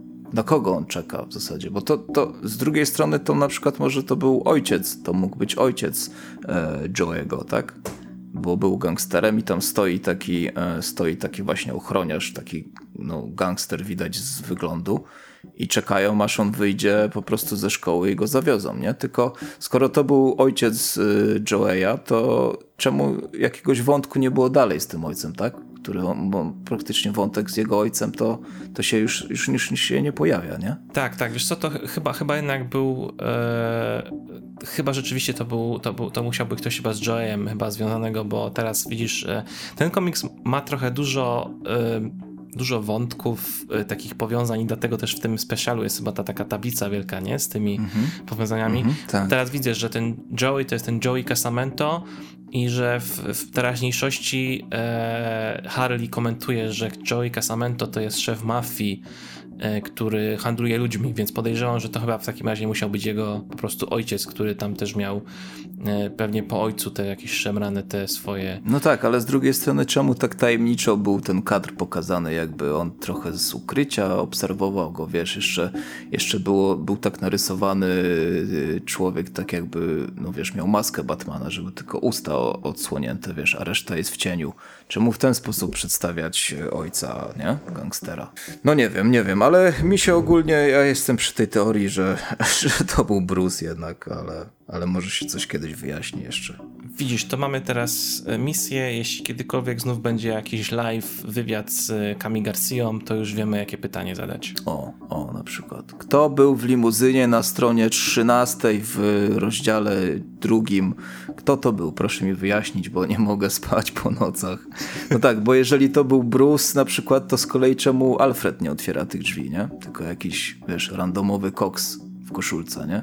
No wiesz, no to już są takie detale, które można po prostu wytłumaczyć, wiesz, że hmm. takie mamy uniwersum, nie? Tak jak u nas się tłumaczy taki mamy klimat, no to tam mamy takie mamy, takie mamy uniwersum, gdzie rzeczy są no, inaczej. No, no ogólnie no Batmana nie ma i, i, i, i to jest to jedno, może taka tajemnica, dlaczego go nie ma, co się stało, nie? Y, ja co bym chciał powiedzieć to odnośnie tego finału, bo ten finał definiuje nam i najbardziej pokazuje w jaki sposób Kami e, Garcia zaadoptowała ten motyw Jokera i Harley jako e, takie powiązanie między sobą, bo e, to, co ja najbardziej, o co ja się najbardziej martwiłem, że to będzie po prostu taka bardzo brutalna, edgy historia o, o wiesz, o tym, jak mhm. Joker, Joker i Harley się w jakiś tam sposób stają się jakąś taką, wiesz, toksyczną parą, albo że parą po prostu. Mhm. Chociaż no trochę wątpiłem, że akurat Kami Garcia by coś takiego zrobiła, e, ale mhm. właśnie mega mi się podobało to, że ten, to jakby połączenie między nimi to właśnie polegało na tym, że to jest to, co Joker jej wygarnia na samym końcu, że, że on jakby stworzył to, że ona za nim tak podążała, że ona tak. y, jakby, że stała się jakby to, Joker stał się jej obsesją, że on jakby do tego wszystkiego doprowadził e, i to jest, to jest to, no, takie trochę jak Batman i Joker, nie, że mhm. jeden bez drugiego no jakby tak jakby one, że się nawzajem napędzają, nie? Swoimi działaniami. -hmm. Więc to mi się bardzo podobało, a jeszcze bardziej mi się podobało to, jak po prostu Harley daje mu w mordę i stwierdza, że że absolutnie nie zamierza być jakąś taką, wiesz, osobą uzależnioną tym, co się stało, -hmm. tylko po prostu chodzić swoją ścieżką. E, I to jest takie mega podwójne, podwójnie fajnie, bo jest i jakby w fajny sposób e, pokazanie tego połączenia Jokera i Harley, które nie jest tym toksycznym związkiem, a jednocześnie nadal e, pozostania z tym e, przesłaniem tego Harley, e, która jakby z tym, tym, kim jest, ona pokazuje właśnie osobom czytającym, że to jest postać, która no, musi się, znaczy musi, która się z jakichś tam więzów złych uwalnia. Mm -hmm. Jedyne, co mhm. mam zastrzeżenie, to jest to, że, ta, że ten finał, nie wiem, czy się zgodzisz, on jest bardzo szybki, w sensie te kilka scen, ta cała, ten cały, ca, cała finałowa konkluzja mhm. to są trochę tak, no, no. 3, 4, 5 stron, a to ewidentnie i, i jakby, jakby trochę to nie, nie wybrzmiewa. W sensie myślałem, mhm. jakby te kilka stron więcej było, to by to miało może taki trochę większy impact, a tak to się to też trochę jakby nagle urywa na końcu i w sumie mhm. miałem takie wrażenie, moment, to już koniec? Nie? Na tej zasadzie, że to jakby wszystko bardzo szybko w takiej skondensowanej formie było zamykane. A szkoda, bo myślę, że właśnie te tempo mogło być troszeczkę wolniejsze akurat w tym przypadku, żeby ta konfrontacja była trochę bardziej rozbudowana, czy raczej może bardziej rozbudowana ta, ta klamra, którą Harley mm -hmm. sobie też w mhm. narracji tam, tam robi, nie? E, ale jestem bardzo zadowolony z tego zakończenia, tak czy siak. W sensie już jakby pomijając właśnie ten problem tego, tego, tego mhm. pacingu. No ja trochę czekałem, wiesz, na ten mom moment, w którym e, Harley się zakocha w Jokerze i tak nie chciałem go, ale tak wyczekiwałem, ale całe szczęście, że, że jednak nie poszli tą drogą, tak, i że że skończyło się tak, jak się skończyło. Nie? To, co chyba też jest super w tym komiksie, to jest to, że jest budowana cały czas te, te, te takie napięcie budowane, że to kiedy oni się w końcu spotkają, co nie? Tak. Cały tak, czas są gdzieś no. od siebie oddaleni i potem mają tą pierwszą, mają w sumie trzy konfrontacje w całym komiksie. E, tą pierwszą, kiedy Joker ją odwiedza i jest takie mhm. -hmm. potem jest konfrontacja w tym, w, w, w, komisariacie. w komisariacie to tak też mi trochę zajechało e, zabójczym żartem, trochę mrocznym rycerzem. Mm -hmm. No i potem mhm. ta finałowa. A jeszcze tak. teraz mi się przypomniało, a propos właśnie różnych nawiązań do komiksów, to też się tak uśmiechnąłem, jak zobaczyłem, że Joker e, się przebiera za policjanta w tej finalowej akcji. Tak. Więc tak, też, tak, też, tak. też to takie jak bardzo. Ledger, nie? No i tak jak Ledger i tak jak też w pierwszym komiksie z Batmanem, jak gdzie wystąpił, nie? Gdzie tam też. A, żeby... no też, też. No. Więc jakby no. takie podwójne skojarzenie mi się z tego zrobiło. E, więc no, ja, ja, mam bardzo, bardzo dobre wrażenia z tego komiksu i e, tylko znów to jest zdecydowanie komiks dla kogoś, kto nie ma problemów z takim właśnie no, mega nieprzyjemnymi e, widokami, jeśli chodzi o e, nie wiem jak to nawet nazwać, no po prostu rozczłonkowane ciała postrzywane ze sobą w, naprawdę jakieś tak, takie tak, masakryczne tak. ale rzeczy. Też, ale, no, ale też z drugiej strony nie jest to też jakiś, wiesz, taki mega mocna rzecz, nie? No bo tam jednak, wiesz, flaków nie ma, nie? Ani nic, tylko to jest takie sy symboliczne, ale takie e, bardziej, bardziej mnie przeraża to nie tyle e, to, to, ten twór, to co mu wyszedł na przykład, ten poszywane, tylko bardziej mnie przeraża e, myśl o tym, kiedy on to, jak on to robił, nie? E, kiedy on ten tłuszcz wypalał, kiedy, kiedy on zszywał, wiesz, odcinał te, te kończyny i potem zszywał, nie? To, to jest takie przerażające. Te, tego, czego, tego, czego nie widzimy tak naprawdę, no bo widzimy tylko ten y, twór taki jakby ostateczny, tak? Tą rzeźbę na przykład, nie? Z przyszytymi rękami. Ale, ale mocne, mocne, mocne to się zgadzam, że, że jest, jest mocne. Nie wiem, Radku, czy coś jeszcze mamy do dodania w spoilerowym e, w spoilerowej części o tym komiksie? Chciałem cię zapytać może tak krótko, e, bo tam jest napisane, że konsultantem merytorycznym był pan Wojciech Nelec. I chciałem cię zapytać, czy pan Wojciech jakieś szczegóły może by ciekawe nam powiedział, na czym ta praca polegała. Tak z grubsza może, albo, albo jakąś ciekawostkę. No bo w zasadzie co to znaczy konsultant merytoryczny? Ktoś, ktoś do ciebie zadzwonił i się spytał, e, czy Black Canary powinna być Black Canary, czy czarnym kanarkiem powinno być, nie? Czy, czy na, na czym polegała ta praca? W sumie bardzo, bardzo krótko i konkretnie to podsumowałeś. Więc e, tak. tak. Trafiłem w dychę. Tak, tak. E, znaczy, bo e, mówiąc najprościej i najkrócej, e, znaczy to nie jest jakby moje pierwsze rodeo, bo jakby no tak. wspomnianym przy WKKDC miałem podobną no rolę. No tak. E, i przy komiksach egmontowskich różnych też miałem okazję działać. Pierwszym, przy którym współpracowałem, to był. No, zgadza się. E, pierwszy, który robiłem, to był Wieczny Batman, chociaż tam akurat nie byłem podpisany, e, ale potem mhm. był Flash z nowego DC Comics, tom pierwszy, pierwszy tom Harley Quinn z nowego DC Comics, a później, później właśnie weszła kolekcja i jeszcze, no teraz dużo, dużo na przykład Supermana, dużo, bardzo dużo Supermana mhm. robiłem, na przykład ten od Bendisa, co były obie serie, mm -hmm. Le, Le, Lewiatan, e, więc tam troszeczkę, mm -hmm. się te, trochę, troszeczkę się tam przewinąłem, e, ale tak, jakby problematyka tłumaczeń jest tego typu uniwersów, to tak jak na przykład z Gwiezdnymi Wojnami jest, nie? Gdzie masz na przykład książki, komiksy, gdzie chcesz zachować jednolite tłumaczenie nazw własnych, żeby to wszystko się ze sobą mm -hmm. zgadzało. W przypadku komiksów DC to też jest już pilnowane od jakiegoś czasu. Wiadomo, Time Semik robił po swojemu. E, w Egmoncie jest to trochę i Mucha Comics inaczej traktowane, mhm. bo to, co się w Semiku dobrze jakby zostało ocenione przez tłumacza, że tak ma być, to zostało. Jak coś było nieodpowiednio, to to było zmieniane. Więc jakby niektóre, tak. niektóre pozostałości po Semiku są u nas, niektóre nie. No i jakby moją, moim zadaniem jest to, żeby te tłumaczenia rzeczywiście tych wszystkich rzeczy były spójne ze sobą e, względem Rozumiem. tego, co było wcześniej. Mhm. I akurat z Black Canary to chyba ona nie była nigdzie chyba w tekście wspomniana, tam chyba tylko na banerze była jednym akurat pokazana ale na mhm. przykład w tym zeszycie, e, na przykład w tym zeszycie mm, dodatkowym, tym gdzie są te właśnie wszystkie rozpiski tych, e, tych mhm. nazwisk i tak dalej, no to tam się gdzieś na przykład przewina postać e, pseudonim e, Ragman. O, e, tak, tak. I to jest, no. i to jest, to jest, chodziło o konkretną postać z DC Comics. Tak.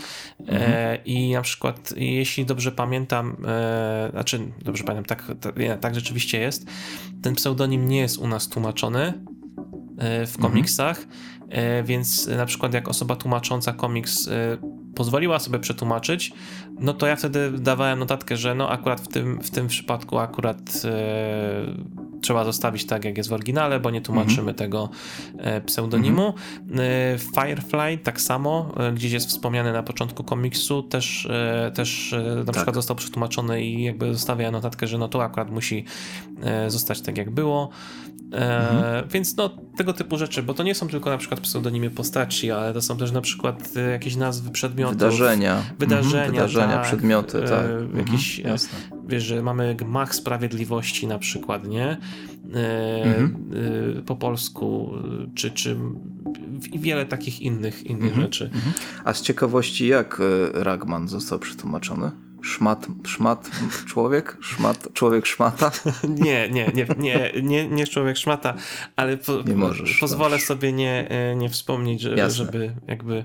A ja, ja tylko jeszcze chciałem a propos tłumaczenia, że bardzo mi się pani tłumaczenie pani Marii Lendgren podobało i, i, i e, zupełnie nie mam zastrzeżeń i zwroty typu tam ta kelnerka mówi, że muszę ogarnąć stoliki albo, albo Harley mówi, że nie pogardzę piwkiem, to, to to, to, takie, tego typu użycia, zwroty bardzo mi się podobały i, i wypadały tak naturalnie, więc e, to ode mnie plusik też za to. Nie? E, tak, e, ja, to, Maria właśnie ma także wprowadza taki właśnie naturalny język w rozmowach, mhm. często w takich nieformalnych rozmowach i rzeczywiście to nie są jakieś takie dosłowne tłumaczenia, tylko po prostu takie, no które właśnie, pas, tak. pasują mhm. jakby w języku polskim tak. do, do naturalnej mowy i takich przypadków właśnie było całkiem, całkiem dużo i to, to są też takie przypadki, które wymieniłeś, które ja też pamiętam po prostu rzeczywiście. Mhm. No i też to był chyba drugi raz, jak miałem okazję współpracować e, z Marią. E, bo też się osobiście też, też mieliśmy okazję też, też poznać, bo mhm. z Marią, Maria, która pracuje w, przy rzeczach na przykład z Planety Komiksów, e, z tego wydawnictwa, więc miałem okazję kilka razy z nią rozmawiać, czy to w jakichś tam wywiadach krótkich do mhm. audycji prosto z kadru, ale z Marią jeszcze wcześniej współpracowałem przy jej tłumaczeniu do Białego Rycerza, bo pierwszy, pierwszy Biały Rycerz był w jej, w jej tłumaczeniu, więc tam też mieliśmy okazję Jasne E, okazję e, współpracować, więc to, to ta Harley Joker był, to był chyba taki drugi przypadek, więc tak. Mhm. No to dzięki wtedy za, za wytłumaczenie. Ależ proszę, dla ciebie wszystko. Okej, okay, to e, mamy zamknięty temat Jockey Harley i teraz Joker Harley i teraz jeszcze dwie rzeczy.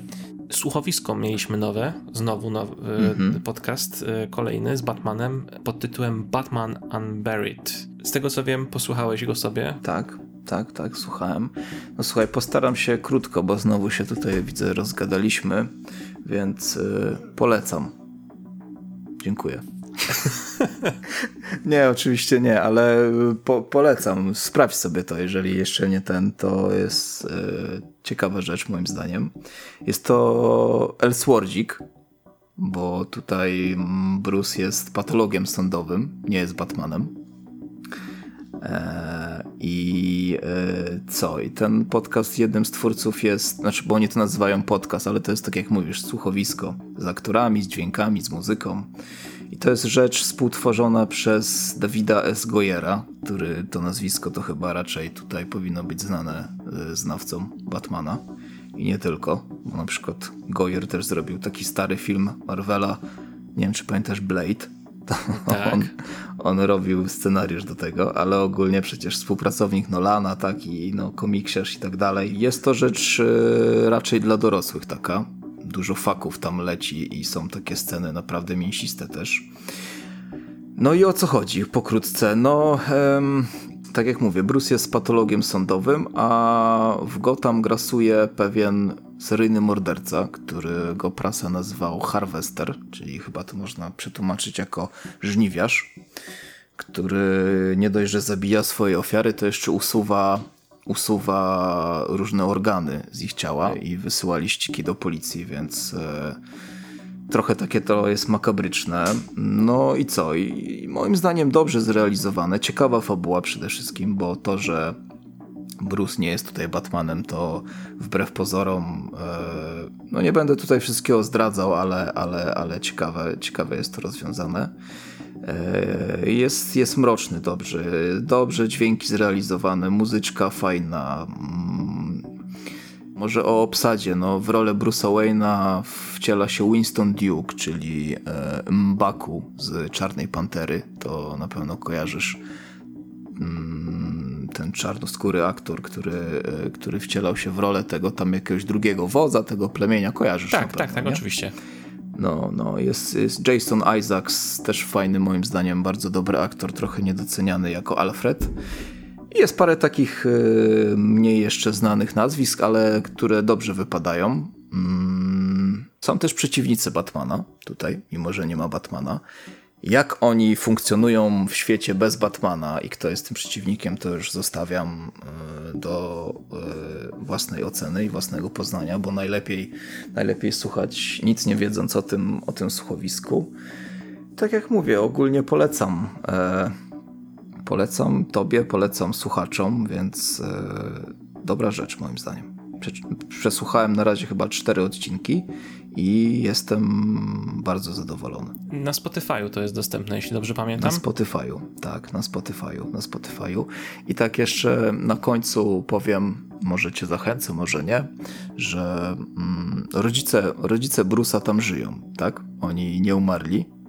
E, mama jest doktorem filozofii, tam ojciec jest dyrektorem szpitala, tam mu pomaga, w którym on pracuje i tak dalej. Tam rozmawiają o pracy. No i jest jedna taka scena, w której Bruce rozmawia z mamą i mama ma na sobie naszyjnik z pereł. I już tam nie pamiętam kto, czy ona, czy on zahaczył i te, te perły się rozsypały na ziemię.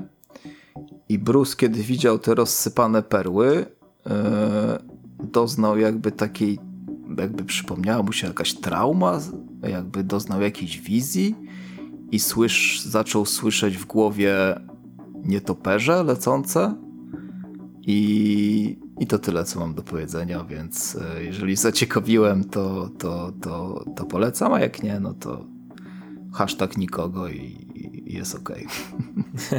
No brzmi intrygująco. Ja, ja na pewno jak znajdę więcej czasu, to, to z chęcią y, posłucham, bo zresztą mam jeszcze ten drugi, drugie słuchowisko jeszcze też do, do nadrobienia, o którym mówiłeś jakiś czas temu. Tak, tak, to jak, jak masz wybrać, to ten no, Unburied, wybierz, wybierz to. Dobrze. Wybierz to, jeżeli masz wybrać jakieś jedno. Pewnie.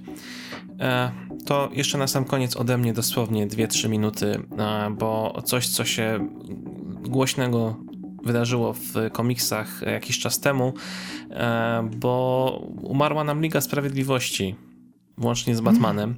Wszystko to się działo w ramach 75. numeru Justice League. E, głośne wydarzenie, które bezpośrednio potem jest kontynuowane w tym obecnym Dark Crisis, który, który, który teraz mm-hmm. będzie wychodzić w Stanach. E, w końcu dorwałem ten zeszyt, w końcu go przeczytałem i jakby chcę o nim opowiedzieć z dwóch powodów. Po pierwsze, no to jest właśnie ten komiks kluczowy, bo coś się dzieje w nim, a dwa, bardzo chciałem przetestować tą teorię, o której, którą wysunął Joshua Williamson, który napisał scenariusz mm-hmm. do tego komiksu, że e, ten numer 75 e, ligi można przeczytać e, nie znając absolutnie nic z wcześniejszych numerów tej samej serii. Więc chciałem poddać testowi właśnie to. Ale to chyba mu kazali tak mówić, co? A czy powiem ci tak? Musimy ten numer sprzedać po prostu jak najwięcej. Musi być śmierć Justice League. Masz mówić, że możesz czytać bez znajomości innych wydarzeń. Ale powiem ci, że to, co powiedział, jest prawdą bo ta, ta historia rzeczywiście nie nawiązuje za bardzo do czegoś, co się działo wcześniej w tej, w tej konkretnie serii. Po prostu mamy mhm. jakieś. Po prostu zaczyna się od pewnego wydarzenia. I e, jakby e, z tym jest też tak, że e, zobaczymy, jak to będzie mocno problematyczne. Tu ma być trochę jak z Doomsday Clock. Doomsday Clock, jak wychodziło, to chodziło o to, że w tym komiksie mamy o rok oddaloną przyszłość względem głównego kanonu i że ten główny mhm. kanon po prostu nadgoni tą teraźniejszość z Doomsday Clock, kiedy będzie ostatni numer Doomsday Clock. No i ta śmierć Ligi Sprawiedliwości, bo ktoś się zapyta, czemu, jak to wszyscy nie żyją, a normalnie komiksy z nimi wychodzą. I motyw, no motyw polega na tym, że te, te wydarzenia z Death of the Justice League i potem z tego Dark Crisis, Crisis one też są oddalone w przyszłości i wszystkie główne serie w pewnym momencie nadgonią ten moment, kiedy to się wszystko wydarzyło. E, mhm. I tak, potwierdzam, ten komiks można przeczytać nie wiedząc e, nic o tym, co się działo wcześniej w tej serii, ale trzeba tutaj zaznaczyć pewną gwiazdkę, której Williamson chyba nie zaznaczył, jak o tym mówił, że to jest prawdą, natomiast żeby rzeczywiście zrozumieć bez większego zakłopotania kontekst tego, co się dzieje w tym komiksie, to jednak trzeba mieć wiedzę na temat tego, co się właściwie działo z multiversum w ostatnim czasie. Mm. I nawet nie tyle, co w ostatnim czasie, co w ogóle wiedzieć o kryzysie na nieskończonych ziemiach, o tym, że są w ogóle kryzysy, żeby jest multiversum, że, y, że są jakieś takie no konkretne no postaci. Więc to jest zdecydowanie komiks, który jest dla kogoś, kto jest obeznany w tego typu opowieściach, zna jakieś podstawy przynajmniej, bo bez tego to jest po prostu e, zagubiony. I ja sam na przykład nie mhm. jestem na bieżąco z niektórymi rzeczami, e, bo na przykład była ta cała seria Justice League e, Incarnate, gdzie tylko po prostu mhm. tak mniej więcej kojarzę, co tam się działo, ale nie czytałem. I ona ma tutaj bardzo dużą rolę e, w tym, w tym momencie. Jest tutaj dużo nawiązań do tego, co się działo w, znaczy no, takie odniesienia do rzeczy, które były mocno eks- eksplorowane w, na przykład w Metal od Snydera. Mhm. E, no i bez wiedzy na ten temat to można się czuć zakłopotanym. No a właśnie rzecz polega na tym, że cały komiks jest o tym, że wszyscy członkowie ligi są nagle teleportowani do e, siedziby e, od Justice League Incarnate, gdzie ostrzegają ich przed nadejściem wielkiej ciemności, tak to chyba jest mhm, nazwane. Tak, Dar jakoś tak, no. Great Darkness że to mhm. jest siła, która, z którą jak, jakby nie da się wygrać, że to jest coś znacznie większego niż to wszystko, co, z czym do tej pory e, mieli e, bohaterowie do czynienia. No wiadomo, żeby zrobić kryzys i jakieś zło, to musi przebić siłą poprzednie wielkie zło. E, I tak, mamy to wprowadzone przez dosyć zaskakującą postać trochę, której ja się nie spodziewałem, chociaż już chyba internet zdążył mi zaspoilerować. No mhm. i cóż, rzeczywiście widzimy śmierć Ligi Sprawiedliwości i to nie jest spoiler, jak to powiem, no bo ten komiks wyszedł już trochę jakiś czas temu, no i nazywa się Death of Justice League. E, no tak. I czy to jest rzeczywiście śmierć Ligi Sprawiedliwości? No cóż, e, scena, w której umierają jest odwołaniem do śmierci Barego Allena w kryzysie na nieskończonych mhm. ziemiach. A wiemy, jak skończył Barry Allen później. Prawda? No tak. Więc no tak. E, zresztą DC chyba się już i tak przestało kryć, że, że oni nie żyją, że one gdzieś po prostu tak, są gdzieś tak, indziej. Tak, tak, było coś. Mhm. Było, że chyba Williamson się chyba wypowiedział nawet, nie? O tym. Tak, ale no oczywiście e, działa to w ten sposób, że tą całą masakrę przeżyła jedna osoba i ona przychodzi poinformować resztę jakby yy, bohaterów, czyli tam na przykład e, syna od Supermana, e, chociażby, czy, czy Walliego, Flasha, chyba Walliego, jeśli dobrze pamiętam, że mhm. Liga nie żyje. Więc w świecie tym ich oni będą jakby myśleć, że rzeczywiście Liga zmarła, ale no my wiemy, że jest inaczej. Więc no to nie jest jakiś zaskakujący komiks. On w ogóle był mówione, było mówione, że to jest, się dzieje w 75 numerze, bo to samo było ze śmiercią mm -hmm. Supermana, że to też był 75 mm -hmm. numer. Tylko, że w przypadku Supermana to był bardzo emocjonujący moment budowany od dłuższego czasu, a tutaj no po tak. prostu oni, wiesz, stryknięcie palca, nie ma ich, nara, mm -hmm. jakby w ogóle to nie ma żadnego wydźwięku, to jest tylko po prostu taki szok, nie? Taki szok value bardziej, więc nie jest to jakoś angażujący mhm. zeszyt. Wiesz, co się mi najbardziej w nim podobało? To, jak on został wydany, bo on ma jakby taką dwuwarstwową oprawę, że mhm. jakby pierwsza warstwa to jest taka jakby nakładka z tym tytułem Death, Death of Justice League, która i ten napis jest przezroczysty i masz czarne tło mhm. i możesz odsłonić tą czarną jakby nakładkę i pod tym masz tą całą ilustrację, która jest się przebija przez ten, e, przez ten font przezroczysty, nie? Dopóki tego nie mhm. odsłonisz. Nie? To, to, jest, to jest taki fajny gimmick, który mi się podobał tutaj. Więc najbardziej mi się chyba tylko to w tym spodobało, szczerze mówiąc. No tak, no, no no ale czego się spodziewali w zasadzie? No nie, nic, no wiesz, no kupiłem ten numer szczerze mówiąc tylko dlatego, żeby, wiesz, no jakiś tam niby ważny moment w uniwersum. No wiem, rozumiem. No. Więc no tyle mam do powiedzenia, do powiedzenia na temat tego zeszytu. No ja, ja tylko nie, nie czytałem, ale widziałem w internecie moment, y, w którym oni umierają wszyscy, więc y, to jest takie zdmuchnięcie ich, nie? Tak. Można powiedzieć. No tak. Takie i już, nie? To nie jest jakiś, jakiś dramatyczny, nie wiem, upadek z wysokości Batmana, którym on krzyczy no, save Robin, czy coś takiego. Save Motra. Nie, on nie krzyczy nic takiego, tylko to jest takie pyk i, i już ich nie ma, nie? No właśnie. Dokładnie tak. Cofnęli się w czasie i przestrzeni. Do jaskini w Gotham. Piękna, e, Radku, ty to masz... Piękna klamra. Tak, piękne klamry potrafisz robić w tym naszym podcaście, to ci muszę, muszę na pewno przyznać, e, więc wow, no to było głębokie.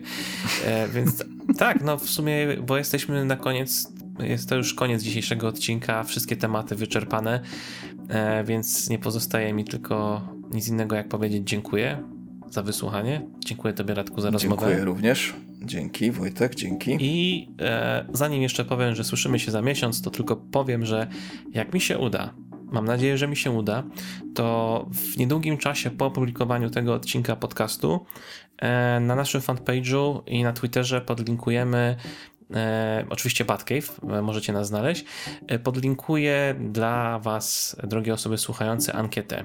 E, ankietę, którą, w której będziemy chcieli poznać Wasz feedback co do formy podcastu, żeby zobaczyć, co działa, co nie działa, co warto poprawić, co może nie do końca do Was trafia w tym, co do tej pory robimy, żeby właśnie jakby móc polepszyć dla Was też te doświadczenie słuchania, więc liczymy na to, że, że jakiś e, odzew tutaj znajdziemy od Was i będziemy wiedzieli też, jak móc przygotować dla Was jeszcze lepszy, e, jeszcze lepszy podcast.